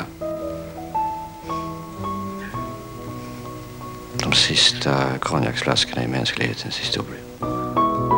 Och när festen är för fullt igång så förklarar han att ja, Ni har nu fem minuter på er att utrymma huset. Sen kommer det att sprängas av de experter på sprängmedel som just nu håller på att adaptera dynamit i vartenda jävla hörn. Oh ja. Och folk går fullständigt Roms sista dagar och plundrar huset på allt. Åh herregud vad härligt det är. Det är liksom alla saker ska ut. Alla eh, gamla meningslösa grejer ska ut. Så vi har liksom den här bilden med liksom alla de här människorna uppklädda i frack som rusar genom huset med armarna fulla med stöldgods. Det här är Och- extremt Buñuel måste jag säga. Mer Ja. Buñuel än Fellini. Och tra travar in sig i bilar som håller på att liksom krocka med varandra och överlastade gamla eh, Volvo Amazon som kör iväg med grekiska statyer i bakluckorna. Och det... Kändes även ganska, vad heter den, Renoir, eh, Spelets regler, kände jag. Ja, jo, ja, oh, ja absolut. Ja, det hade jag inte ja. tänkt på. Men det, ja. och, och till slut så sprängs slottet medan orkestern spelar Du gamla, du fria och Jan och Maria, Mariana leker i snön som barn. Det, det är ett så fint slut tycker jag. Jag, jag tror, väntade mig inte att den här filmen skulle ha ett lyckligt slut, det måste jag ju säga. Det känns Mm. inte som den filmen som någonstans skulle landa där, för de brukar inte göra det, den här typen av... Äh, Fellini gillade lyckliga slut i och för sig. När man kom ut på andra sidan som, som mer sig själv. Och jag var glad överhuvudtaget över den här. Den överträffar mina förväntningar och framförallt så var det en helt annan film än vad jag hade förstått att den skulle vara. För som sagt, jag, jag, var, jag satt och stålsatte mig inför bara incestdrama, vilket väl aldrig varit en favoritgenre som så. Och fick väl i och för sig bitar av det, men, men fick väldigt mycket annat också. Ja, det är en välförtjänt triumf i slutet. Ja. Ja, de leker som barn men samtidigt så är det äntligen dags att växa upp. Ingrid Thulin är väldigt bra i den här rollen. Samtidigt så är det varianter på saker vi redan vet att hon har gjort bra. För vi såg henne så väldigt mycket förra året. Hon är en av Sveriges bästa skådespelerskor genom tiderna. Men, men det är också liksom att vi, vi visste någonstans. Jag tänkte en hel del på till exempel hennes insats i Riten. Men även sagt både Tystnaden och eh, Viskningar och rop. Jag tycker Kevin Hjelm, som jag ärligt talat inte har sett så mycket som jag borde från, de här, från den här eran. Jag har sett honom nästan mer tror jag när han är betydligt äldre och får gamla gubberollerna. Är jävligt bra i den här. Jör- Jörgen gör ändå mer av ett intryck här känner jag än av i Tystnaden. Och då kan det vara de tre årens skillnad och liksom lite mer erfarenhet i att han har ja, men lärt sig lite mer vad det här skådespel, vad skådespelandet går ut på. Alltså att, eh, Jag tycker han har en ännu starkare närvaro här. Han, båda de här filmerna som jag pratat om med honom, alltså Tystnaden och, och Nattlek, baseras ju väldigt mycket kring honom som den som observerar knäppa jävla grejer som händer runt om honom. Ja, och att han på något vis liksom ändå... Det är samma karaktär. Att du har Keve Hjelm som spelar 12 och du har Jörgen Lindström som spelar 37. Mm. Det tycker jag är väldigt snyggt gjort. Liksom. Det, det är inte någonting som filmen verkligen jobbar hårt på att dra uppmärksamhet till utan det bara är där. Att det är samma karaktär i ungefär samma emotionella ålder oavsett vilken av de två skådespelarna som spelar honom. Precis. Och sen så är det Naima Wifstrand som får gå, i, gå iväg med de stora monologerna och de Ja. riktigt allra mest minnesvärda ögonblicken någonstans känner jag. Ja. Men, men det är ju fantastiskt trevligt bara att vara tillbaka med vissa av de här skådisarna från, från förra året. Inser nu att nu har det börjat gå lång tid nog, i alla fall sen 60 och 70-talsfilmen, det är mer än ett år sedan vi såg, eh, att jag börjat sakna dem lite grann. Jag var jävligt imponerad av den som ett rent regissörshantverk för Ja. vilken film att sätta samman. Alltså. Ja, och jag kan tycka någonstans att det, det är ju skönt att det är en så mångfacetterad film också. För det, varje gång jag försöker tänka igenom, ja men vad vill den här filmen säga då? Om man försöker dra det till en punkt så känns det som att, att det är en ganska grund analys liksom. Ja men det är freudiansk analys av sexualiteten. Ja men det har gjorts mycket mer djuplodande grejer av det även om mycket av Freud sa är bullshit ändå. Ja men det, det är liksom det är en metafor för eh, klassamhället. Eller en metafor för det nya Sverige och eh, folkhemmet och bla bla bla. Ja men den är inte bara en av de, alla de här. Alla de här grejerna finns där och säger emot varandra och grälar med varandra. Och gör det ändå på ett så pass lekfullt sätt. Det som känns helt eget är just den här avstickaren där hon börjar koppla alltihopa till, till militären på något sätt. Och de, om någon anledning sätt försätter honom på, ett, på liksom ett skjutfält i militärfordon. Eh, Och sen när han kommer hem därifrån efter att ha kastat den i leran också sitter som sagt och bara tittar på krigsfilm. Och det Tror vi att det är en hyllning till hennes insats i Musik i mörker?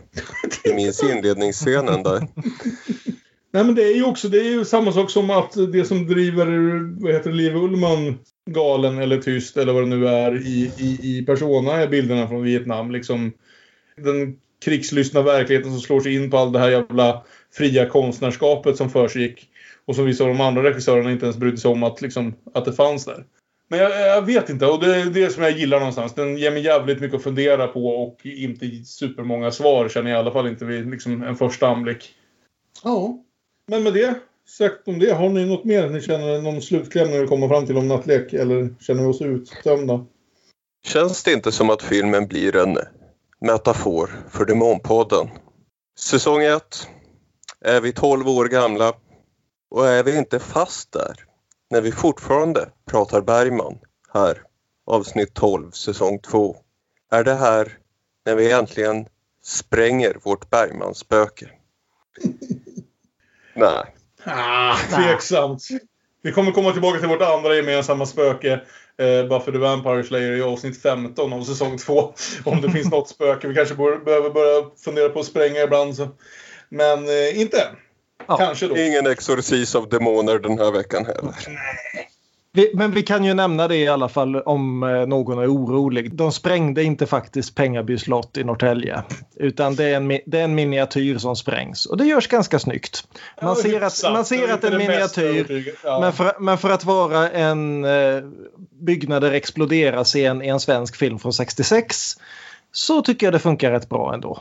Och med det sagt om det så ska vi gå över och lyssna på när Björn fick ha ett litet samtal med en av filmens huvudrollsinnehavare, nämligen Jörgen Lindström. Och det ska bli superspännande att lyssna på. Ja, men hej igen Jörgen Lindström. Vad kul att du ville vara med igen. Hej Björn, ja, jag är gärna med igen och svarar på frågor speciellt när det gäller nattlek som det här ska handla om. Mm.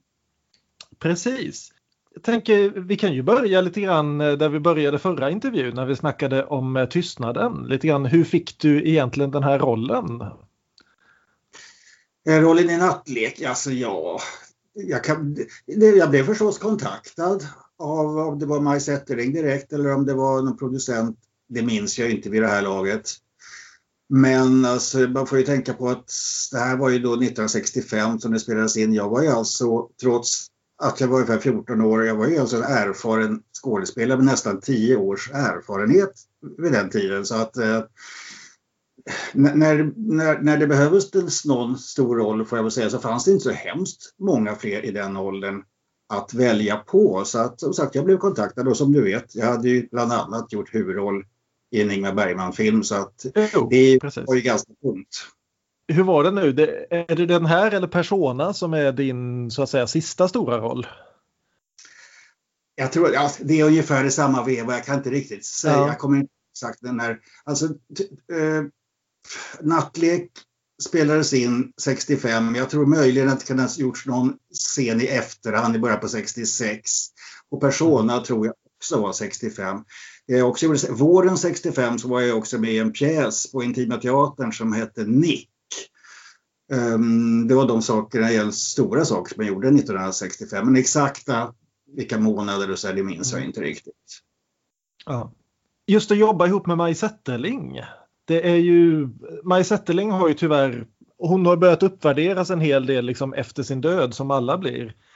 Men hon ja. var ju ganska hårt kritiserad under 60-talet när hon gjorde sina filmer och det, tyvärr så finns det ju inte lika mycket. När, när man ska snacka om Ingmar, Ingmar Bergman så finns det liksom oändliga källor. Maj Zetterling känns lite mer mystisk så att säga. Du som faktiskt har jobbat för henne, hur, hur var hon som regissör och som att jobba med? Ja, till att börja med var hon ju eh, professionell precis som Ingmar då, då, men sen hade de lite olika personlighet. Ingmar kunde småprata lite grann i pauserna och sådär och nojsa lite. Eh, Bergsättering upplevde jag som, som, som mer eh, avståndstagande. Det var ingen, en ganska allvarlig person. Det var ingen man eh, nojsade med på samma sätt som man faktiskt kunde göra med Ingmar. Men alltså jag hade väldigt bra förhållande till henne. Men det, det, det, i första hand är det ju en, det är en arbetsrelation. Jag hade ju respekt för henne självklart som, som regissör och det blev ju klart väldigt snart att, att, att hon var lika, hade lika stor auktoritet och kunskap om det som, som Ingmar hade. Alltså, alltså en person som, du som måste ta med också, det är, hon var ju då gift med, eller sambo med, gift med um, David Hughes som ju då hade skrivit manus tillsammans och så vidare. Och det var en person som jag fick väldigt bra kontakt med. En väldigt trevlig engelsman. Ja. Uh, han, lärde, han, han, lärde mig hur man skulle använda ordet fucking på rätt sätt. Bara en sån sak. hade, det, kanske var det, det kanske var det CD-fördärvet som du verkligen behövde räddas från. Det, det, det är ingen som känner till. Och, nej, han, var, han var väldigt rolig och, och, och, trevlig faktiskt. Han, hade han gjorde en radioserie också i, i, på Sveriges Radio som heter The Seven Ages of England som det till, hörde till någon lärobok till också. Ja. Um, men alltså som sagt, han, han, när man sätter den gulsen lite på sin kant så var han väldigt lättillgänglig och, och trevlig att prata med. Och, och vi försökte ha kul tillsammans. Om man jämför med Tystnaden framför allt, där det är också du och Ingrid Thulin stora delar av filmen. Men det här är ju en ensemblefilm på ett helt annat sätt. Du, du ja. umgås ju med och har scener med en fantastisk mängd skådisar. Oh ja. ja Tystnad är ju ett kammarspel på ett helt annat sätt. Ja. Mm. För jag tänkte just det här, alla de här andra skådisarna du jobbar ihop med. Du har ju scener, helt fantastiska scener ihop med Naima Widstrand till exempel. Ja. Eh, Monica Zetterlund också, Rune Lindström. Har du några speciella minnen av eh, alla de här? Ja, alltså det, det är, det, det, det är ett jobb eller en film, alltså det jag har mest minnen av det är ju nattlek. Alltså dels var jag ju faktiskt 14 år, jag minns på ett helt annat sätt än när jag var 11 och gjorde Tystnaden. Och dels var det ju väldigt speciellt eftersom eh, alltså, Tystnaden spelades ju in i, i studio. Jag åkte hem varje dag. Nattlek mm. spelades in på Penningby slott och eh, vi bodde ju alltså många av oss i Norrtälje. De flesta av oss bodde ju på Norrtälje stadshotell och som jag minns det så, så var det vanligt att, att man jobbade helt enkelt och, och bodde där i veckorna och åkte hem på helgen. Så att det vart ju, det vart ju det blev ju en gemenskap, eller vad ska säga. Det blev väldigt speciellt och, väldigt minnesvärt på, på, på, därför att man minns även miljöerna runt omkring och att det var som en egen liten eh, litet samhälle för oss som var med i den här filmen. Så att jag har väldigt mycket och väldigt mycket klara minnen av filmen, både själva inspelningen och runt omkring. Alltså efterhand kan man ju tänka när jag ska berätta om när det var, jag får ju ofta frågor om, om de här scenerna, var det inte obehagligt att spela in det och vad tyckte de om att göra det egentligen? Och, och det blir ju för mig, mitt minne är att jag, jag gör ju ett, ett, jobb. Jag litar på regissören. Jag vet ju att vi, vi är en ensemble. Så jag ifrågasätter inte och det var ingenting som var jobbigt under inspelningen faktiskt. Det kan man ju undra över i efterhand men eh, det var det egentligen inte. Så att det är klart att jag minns att det var ja, det finns ju den scenen. Jag, det var ju, jag var ju naken och det var eh, incestuösa saker och det hela. Men när jag tänker tillbaka på den scenen, som ju, den är ju speciell, så, så minns jag det som egentligen väldigt avslappnat. Det, det, det, det enda som var lite obehagligt var att den togs om väldigt många gånger. Eh, mm. på grund av att Maj inte var nöjd med Ingrid Thulin helt enkelt. Och för varje gång den togs om så, så blev, blev jag mer hårdare och hårdare örfilad av Ingrid Thulin. det upptog vi mer med för att liksom hon gick in i scenen. Men, och jag vet att vi gjorde jag vet inte hur många gånger vi, vi repeterade den scenen, men jag kommer ihåg att Ingrid Thulin sa nej, Maj, jag är inte tillräckligt bra skådespelerska för det här. Jo då, sa Maj, det är du visst det. Men det var många omtagningar på den, så att det var ändå på det sättet. Men, men, men alltså det som sagt, man gör, jag gjorde ett jobb, jag har en uppgift i den här filmen och eh, det, det, jag, jag ifrågasatte inte någonting och det är inget, ingenting som kändes obekvämt för mig. Mm. Sen var det ju, alltså, vad minns jag mer från den det är sådana små detaljer hit och dit. Um, någon scen som, som med, med Ingrid och med honom, uh, Lauris Falk och en scen där jag skulle bjuda på, på, på champagne och det var ju alltid bara någon pommac i det där ända i alla repetitioner. Så man kom till tagning, då var det plötsligt riktig champagne. Det tyckte jag var jätteroligt. Nej men sen klart, alltså, det var ju några scenerna i och för sig med, i sängen då med Monica Zetterlund och Rune Lindström. Alltså, Rune Lindström svettades väldigt mycket och han åt mycket choklad och det, det var ju kanske inte så där jättemysigt på det sättet. Det var jag inte något ont att säga om Rune Lindström, fantastiskt trevlig människa. Men, eh, ja, men det är sådana små saker egentligen. Men alltså, det är klart jag minns mest det är, det är lite grann runt omkring då det som hände olika saker.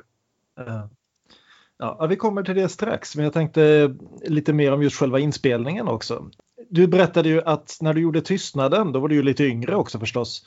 Så var det ju Ganska vissa delar av filmen. Ja, precis. Eh, mellan 11 och 14 är ju en väldig skillnad. Eh, där berättade du ju att Ingmar valde ut vilka delar av filmen du skulle få veta om och så vidare. Var du mer involverad i uh, nattlek? Jag tänker du, du har ju liksom en mycket större, eller inte en mycket större roll, men du går liksom igenom hela filmen på ett annat sätt än vad du gör i Tystnaden. Det finns liksom väldigt få scener som inte påverkar dig. Mm. Var du mer insatt i liksom hela filmens process? Ja, alltså det, det, jag förutsätter att, att jag måste haft ett, ett manus. Eh, jag, jag, är inte med, det, är någonstans när det är den där scenen, Anna Wifstrands eh, rollfigur där blir, blir tokig och, och förs bort med, med eh, tvångströja och det är väl den sista scenen som jag är med i. Men, ja, men det är med en väldigt stor del av filmen. Jag, jag, jag, jag, kan inte riktigt minnas men jag förutsätter att jag måste haft ett komplett manus. Det var ju som sagt inte tal om att, att skydda mig som 14-åring från eh, vad filmen handlade om. Dessutom var jag ju själv med i scener som var, var ganska så eh, speciella eller kontroversiella, eller hur man ska säga, och erotiska laddade också. Så, och, och, så att ja, jag ju, var självklart involverad på alla möjliga sätt. Ja. En av de få skådisarna här som du inte har några scener ihop med är ju Keve Hjelm eftersom ni spelar samma karaktär. Och då tänker jag ändå att ni, Eh, vi slogs allesammans av det här vid den här titeln. Det är inte första gången jag ser den här filmen men jag har inte sett den på ett antal år och jag slogs dels av hur rolig den är, väldigt mörk humor men ändå. Men också det här att du och Keve Hjelm så väldigt tydligt spelar samma karaktär. Det är inte så att du spelar honom som barn och han spelar honom som vuxen och det är 25 års eh, gap emellan utan det är väldigt mycket att era rolltolkningar går ihop där. Hur mycket samarbetade ni för att skapa liksom, den här karaktären? Ja, det är väldigt roligt att höra att, att, du, att du känner på det sättet för då har vi ju lyckats. Uh, jag kan inte minnas att vi pratade om karaktären. Däremot så, så hade vi nog scener samma dagar så att vi, vi träffades ju ganska mycket jag och Keve fast vi inte, och lik, liksom även jag och eh, eller Lena Brundin då, eh, fast vi inte var i samma tidsplan så att säga. Men jag kan inte komma ihåg att vi pratade om hur, hur vi skulle, jag kan ha glömt bort saker, men jag kan inte komma ihåg att prata om hur jag skulle gestalta rollen. Det enda jag vet att vi pratade om det var att han ville ha rekommendationer på några bra popskivor med bra trummisar som man skulle ge sin son i julklapp. Jag gav honom lite rekommendationer där. Vilka rekommendationer gav du då, om du minns? Uh, The Hollies och um, vad hette det andra vet man kommer jag inte ihåg och The Sorrows. Det, det var platt. Jag tyckte det var fantastiskt bra trummisar. Du nämnde det här att alltihopa är inspelat på plats på Pengaby slott. Det finns ju en del scener som känns som att de här kan inte vara gjorda på slottet. Till exempel när du och Naima Wivstrand är nere i den här brunnen och håller begravning och sånt där. Jo då. Det har gjort det också. Lena och jag, alltså min fru och jag var ju nyligen, eh, eller nyligen vad ska jag inte säga, men ett antal år sedan var ju faktiskt där och hälsade på och gick då på rundvandring och då började de alltså visade oss runt så ja, sen var det några tokiga filmmänniskor som höll på. Ja, så jag var en av dem.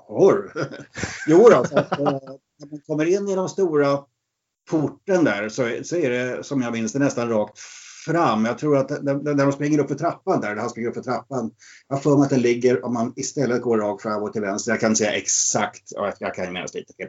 Men det är alltså en, en, smal trappa ner till den där källaren där den där brunnen finns. Och jag minns att jag och Naima gick ner där och, och, och Maj sa till mig att du får ha lite uppsikt över Naima. Hon, hon är ganska gammal så att det inte går att snubbla den där trappen. Så att det, det är på slottet. Och det blev ju tyvärr en av hennes sista filmer också, men det är fantastisk insats hon gör. Alltså, det är nästan det, jag menar, jag, jag har sett henne i ett antal Bergman-filmer nu senaste ett och ett halvt åren och jag menar den rollen hon gör här är ju nästan det bästa jag sett henne göra. Ja, det, det var ju fantastiskt att jag bara en sån sak att ha spela filmen Nagla Wistrand, det är ju liksom, det är hur tufft som helst. Det spelades in en del scener som aldrig kom med i filmen. Mm. Och bland annat spelades in en scen där alltså man skulle blanda ihop, eller Maja det är det, man skulle blanda ihop tidsplanen då, då där Lena Brundin, där hon ligger på en säng med bar överkropp och jag lägger huvudet på hennes ena bröst och handen på det andra. För att då, ja du förstår ju kopplingen till mamman. Och, ja, den, den scenen kom aldrig med. Men jag vet att ja. hon, hon, hon var väl eh, tillsammans med Gert Kraffer då, filodelisten, så honom träffade jag nästa dag och han sa att ja, det var riktigt goda kuddar du hade igår, sa han. Vilket kanske gjorde mig som 14-årig lite förnedrad. Men bara lite. Mm. Jag, var lite. Jag var lite kär i Lena Brundin, får jag säga. Uh-huh. Ja, det förebrår jag inte. Men... men utanför, ja men alltså vi, vi eh, Ja, det är mycket. Alltså jag bodde ju på, som sagt på Stadshotellet och där bodde ju flera av de andra också. Och sen, jag, menar, jag var ju 14-åring och tyckte saker var roliga. Och det, jag, det, det fanns ju en sån telefon, gammal telefonväxel nere på i hotellreceptionen då med sådana här man sätter i eh, pluggar du vet, för att koppla olika rummen till ut och så vidare. Så att, eh, jag blev kompis med henne som, som, som var där så jag brukar sitta ibland i den här växeln och ta samtal och koppla ihop folk bara, bara för att jag tyckte det var roligt. Mm. Men sen hade vi ju, ja men det var ju lite fester. Vi hade, det var ju en fest hemma hos Monica Zetterlund, ja hemma hos, hon bodde i någon lägenhet där, hon bodde inte på hotellet, Monica Zetterlund. Och då hade hon fest någon gång och jag, menar, jag tyckte väl det var lite roligt med alkohol redan då trots att jag var 14 år. Så att det dracks väl lite vin och sådär. Jag minns att jag sjöng, apropå sånt som du också uppskattar, det sjöngs ju lite här och där. Jag sjöng faktiskt The Irish Ballad, Tom Lehrer. Ah. Jag vet inte om, inte om det gick hem något vidare i alla fall. uh, och sen, sen blev jag lite sur på Monica för att vi jag älskade ju Beatles förstås och hon sa att ja men Jörgen, alltså The Beatles kan inte sjunga. Det hör jag som sångerska. Det var jag lite purken på henne. Ja, ja. Men ja, det var flera sådana här träffar att vi umgicks tillsammans. Jag vet på hotell eller på, på slottet en gång eh, så hade vi torsdag då ärtsoppa med punsch. Och då sjöng jag, bland annat sjöng då Naima var med också. Hon sjöng Det var en lördag afton som var en av hennes hits. Då, då, eller vad ska jag kalla det för. Och flera sjöng då och jag sa att men jag kan inte sjunga. Jo men nu ska du göra det. Så jag sjöng The House of the Rising Sun och det kunde jag väl klara av någorlunda. Nej, men så att vi, vi, alltså det var en del umgänge och, och även i hotell eh, baren, hotellrestaurangen då, man, man, man pratade med varandra. Det, var mycket, alltså det, var, det blev ju en gemenskap som sagt på ett annat sätt. Och, ja. Eh, det, Ingrid och jag framförallt var det, spelade väl lite eh, schack emellanåt. Vi var lika dåliga bägge två ungefär. Det finns, finns faktiskt lite bilder på om man letar på nätet. Ja, det var en väldigt rolig tid faktiskt. Det var det verkligen. Ja. Du nämnde det här med saker som hände runt filmen också. För det blev ju en ganska kontroversiell filmsläpp det här. Det var, ni skandaliserade Shirley Temple och lite allt möjligt. Eller tvärtom, ja. ja. Hur var, var, du involverad någonting i allt, vad ska man säga, PR-arbete, festivalarbete och sånt som kom efteråt? Och hur mycket mm. uppfattade du av hur filmen mottogs? Ja, det uppfattade jag väl antagligen. Jag, jag, jag, tror att det kan ha roat mig lite när det blev lite skandaler. Det, det, det gissar jag. Men det var inget som jag var inblandad i. För det, bland annat din roll diskuterades ju lite grann. Bland annat apropå den här nakenscenen men även lite annat. Att det var ju flera stycken som tyckte, det var någon kritiker som tyckte att man borde ringt barnavårdsnämnden. Eh, det gick till och med något rykte att Ingmar Bergman blev väldigt upprörd över den scenen. Har du, vet du om det är sant eller inte? Det vet jag inte om det är sant och det var väl någon insändare. Vem, hur var formuleringen? Vem ska rädda Jörgen Lindström från sedernas förfall? Var formuleringen. det var aldrig någon som gjorde det, du ser hur det gick. Um, nej, men jag, alltså, jag var ju road av det, jag tyckte det var lite kul. Jag menar, alltså, jag, så här i efterhand kan jag jag kan också se tillbaka och tänka men, att, att jag inte reagerade. Att, att, alltså, men, men nej, det, det, som hände var däremot att, att jag ringde ju hem och jag vet inte exakt hur mycket jag berättade och inte berättade för mina föräldrar. Eh, så här i efterhand kan jag fundera på vad, hur, hur beskrev jag egentligen de här sakerna. Men jag berättade väl tillräckligt mycket i alla fall för att de skulle bli lite oroliga. De ringde upp mig Zetterling och undrade vad deras son egentligen utsattes för. Och hon eh, ja, hon tog det väldigt allvarligt och sa att det, det, det jag förstår att, att ni kan vara oroliga men det ska, det ska ni inte alls behöva vara för att eh, vi gör ingenting som, som Jörgen tar någon som helst skada och han sköter sig bra och allting sånt där. Så att de lät ju lugna med det ämnet. Vad skulle de göra? De kunde inte ta, ta mig ur inspelningen. Mm. Har du sett om filmen på sistone? Vad tycker du om den idag? Um, jag tycker väl kanske bättre och bättre om den. Jag, jag tycker väl det. Det är väl en uh, film som har sina brister. Den, den är kanske tar ut vissa svängar lite mycket men jag menar den är jag, jag tycker om filmen. Det, det, det, det är ett drama över den som, som jag gillar. Och, och jag såg den ganska nyligen men jag visade den, de hade filmvisningar då på vad heter Bergmans eh, lilla biograf där på Filmhuset och då skulle jag visa någon film och tänkte de jag, och kommentera och tänkte de att jag skulle visa Tystnaden men det tyckte jag slutade med en nattlek. Och då var det en kille som, som brukar skriva insändare och så här och, och han, han, han, han, var upprörd över den här scenen och, och frågade liksom, tänk, hade, om det hade varit tvärtom, om det varit en pappa och en dotter, hade det varit tänkbart? Nej, kanske inte. Så att det, det är ju en laddad, det är, det är ju en laddad scen. Alltså, jag vet inte, det, det var... Men alltså som sagt, när jag, som, när jag minns den så minns jag inget som helst obehag. Det var bara ännu en scen som skulle tas. Den var lite svårare, framförallt för Ingrid Thulin tydligen. och jag var så, det var så naturligt, så när det blev långa inspelningar, eller många omtagningar där och, och jag var tvungen att gå på toa. Jag kutade väl ner till, det var ganska långt till toa. Jag, jag brydde mig aldrig om att klä på mig emellan. det var naken. Liksom, det var, det var, det, ja, Sist vi pratades vid så sa du att du för några år sedan hade letat upp en del gamla kollegor för eh, ett eventuellt skrivprojekt och berättat om filminspelningsminnen och så vidare. Har du pratat med någon om eh, nattlek också? Nu är ju tyvärr eh, flera av de andra huvudrollerna här har ju lämnat oss sedan ett antal år tillbaka. Men... Ja, nej, alltså, mitt projekt ligger, ligger nere kan jag säga. Nej, det finns väl ingen egentligen det enda, det enda jag kontaktade faktiskt, det var för att det var, jag vet också en scen som aldrig eh, kom med i filmen sen. Som jag har lite svagt minne av. Där jag sitter i knät på Monica Zetterlund och hon sjöng en låt för mig. Mm. Så att jag kontaktade faktiskt Georg Riedel och frågade om han kom ihåg det och, och vad det kan, i så fall kan ha varit för låt. Och han sa att nej, jag, jag minns inte just Jag minns givetvis filmen, sa han. Men, men jag minns inte den låten. Det kanske var något jag hade skrivit, ska jag bara. Men jag har ju också kvar alla autografer från den tiden och min favorit är nog den som där det står Det var jätteball att lira mot dig. Puss och kram Monica Zetterlund. ja, det, den smäller ju ganska högt faktiskt. Ja, det, det, den värmer skulle jag säga. Ja, men då så. Det var jättekul att du ville ta dig tid och prata om det här.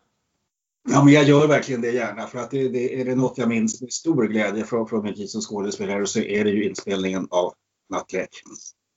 Men tack då så mycket Jörgen Lindström så eh, hoppas vi att du fortsätter ha det bra och håller dig undan från coronan. Ja, då, ska jag göra. Tack till Jörgen Lindström för att du ställde upp på den intervjun med oss här. Det var superroligt att ha haft med dig nu två gånger. Tyvärr börjar vi väl liksom få slut på filmer som vi kan diskutera där du är med. Med det sagt om det så är det väl dags att börja avrunda veckans avsnitt. Och eh, först, det låter, jag får bara känslan av att vi allihopa föredrog nattlek den här veckan. Jag vet inte om det stämmer. Jo. Det stämmer.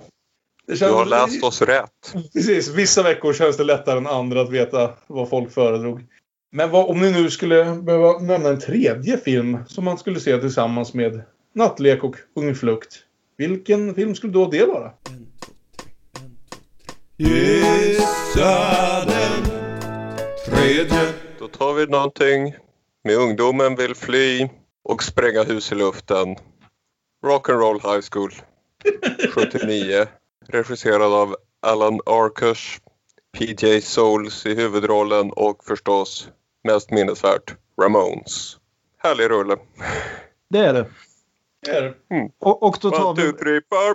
Hade den bara varit regisserad av en kvinna så hade den ju passat ännu bättre in nästa vecka, jag på säga. Men Hade den varit regisserad av en kvinna kanske det inte hade varit den filmen. Det, inte det, är en, det är en ganska grabbig film det där. Men även om huvudrollen är en kvinna. Men att se Joey sitta i en fåtölj och resa sig upp, hur han liksom växl- vecklar ut sig när han reser sig. Ingen reser sig så elegant som Joey Ramone.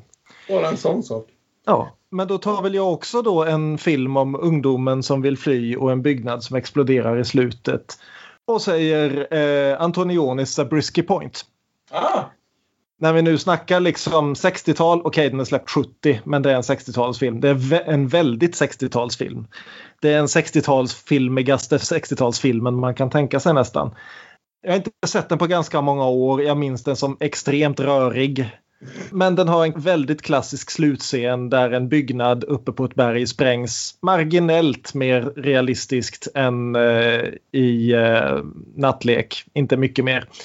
Eh, till tonerna av Pink Floyds Careful with that axe Eugene. Också som en liten hyllning då till den väldigt fina soundtracket i eh, Nattlek som vi glömde nämna. Som då är gjort av Georg Riedel och Jan Johansson och jag tror det är ett antal svenska jazzmusiker som dyker upp och spelar det här jazzbandet som i slutet står och spelar en bopversion av Du gamla du fria. Så ja, Zabriskie Point, den här anti antikonsumeristiska grejen om hippies och någonting. När du sa antikonsumeristiskt kunde jag inte låta bli att ropa köp den nu på amazon.se. Så ja, eh, det är en film jag inte sett på alldeles för länge och har tänkt ett bra tag att jag vill se om och det här är en bra ursäkt. Ja, ni valde ju såna här filmer som jag kopplar till olika rockband väldigt mycket. Det var inte alls dit jag gick. Men jag tänkte också på vilken annan nordisk film kopplar samman dels de här två bitarna. Dels någonstans ung kärlek ut på flykt i naturen. Och dels den äldre generationen är hedonistiska jävlar som behöver göra upp med vad det är de egentligen har utsatt oss för. Och ett, ett tag tänkte jag att man skulle kunna göra någon koppling mellan den här och någon av Roy Anderssons senare filmer. Alltså jag tänkte på Du levande ett tag bara som framförallt då kopplat till Nattlek som någon satir över hur fan vi svenskar lever våra liv. Men den egentliga filmen som passar bäst för att få in Ung Flukt också är ju en kärlekshistoria. Eh, som jag dessutom då känner någonstans, det är en älskad film. Men det känns också som en film som ett tag diskuterade vi den väldigt mycket i filmcirklar men nu har jag inte hört något om den på ett tag. Kring tiden av fucking Åmål och när Roy Andersson liksom började göra nya filmer igen, Sånger från andra våningen och så, så var det väldigt mycket prat om, om en kärlekshistoria som är en av Sveriges bästa filmer någonsin, vilket jag fortfarande tycker den är. Men det känns inte som jag har hört prata, talas om den på ett tag. Så vad fan, nu sliter jag upp den från vilka gruvor vi än har stoppat ner den i och säger det är dags att titta på en kärlekshistoria igen. Det tänker i alla fall jag göra. Mycket bra val. Jag funderade också Ja. på den. Det är nog också den enda Roy Andersson-film jag sett. Oj! Borde jag kanske ägna mig åt vid tillfälle. Häng med oss till säsong tre av Demonpodden då vi tittar på alla eh, Roy Anderssons filmer. Inklusive reklamfilmerna för att få ut det till en full säsong. Mm. Eh, Och läser egenmäktigt förfarande. Ja, tack för att ni ville vara med och lyssna på oss den här veckan. Hoppas ni fick något utbyte av det så att ni vill komma tillbaka nästa gång. Den här veckan så tänkte vi ju rent musikmässigt att vi måste ju passa på nu när vi får chansen att göra något norskt med tanke på den norska kopplingen i Ungfrukt. Till det så hör ju som sagt att den svenska titeln på Ungfrukt var Unga syndare. Och allt detta gav oss 90-tals, jag vet inte, One Hit Wonder är rättvist va?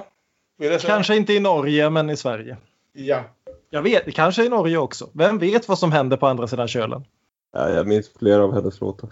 Vi tänkte försöka göra någonting av Lena Marilins Unforgivable Sinner. Vi får se vad det blir. Det är än så länge. Vi ska vara helt ärliga och öppna med korten. Vi har inte spelat in någonting alls till det än. Men något kommer det bli. Och kul ska det bli. Nästa gång ska vi prata om punkfilmer. Närmare exakt amerikanska punkfilmer från det tidiga 80-talet. När vi ska titta på Susan Seidelmans Smithereens från 1982. Och Penelope Sveris Suburbia från 1983. Båda de filmerna finns faktiskt att titta på på Youtube. Kvaliteten kan lämna lite att önska. Om ni har möjligheten och som jag har letat er in på den amerikanska filmtjänsten Criterion Channel så finns båda två där också om, i något bättre kvalitet. Så jag tänker titta på dem där. Vår vän från Bergman-året Dan Brännvall från den svenska björnstammen kommer tillbaka och tänkte snacka med oss om de två filmerna. Så häng med och lyssna på det. Vi finns som alltid i de sociala medierna. Vi är at Damonpodden på Instagram och på Twitter. Vi är Damonpodden med Ä på Facebook. Och man kan mejla damonpodden gmail.com. Tack för att ni vill lyssna på det här avsnittet om våra svenska och norska kvinnliga regissörer. Och hoppas ni kommer tillbaka nästa gång. Hej då! Måndag, måndag. Hej då.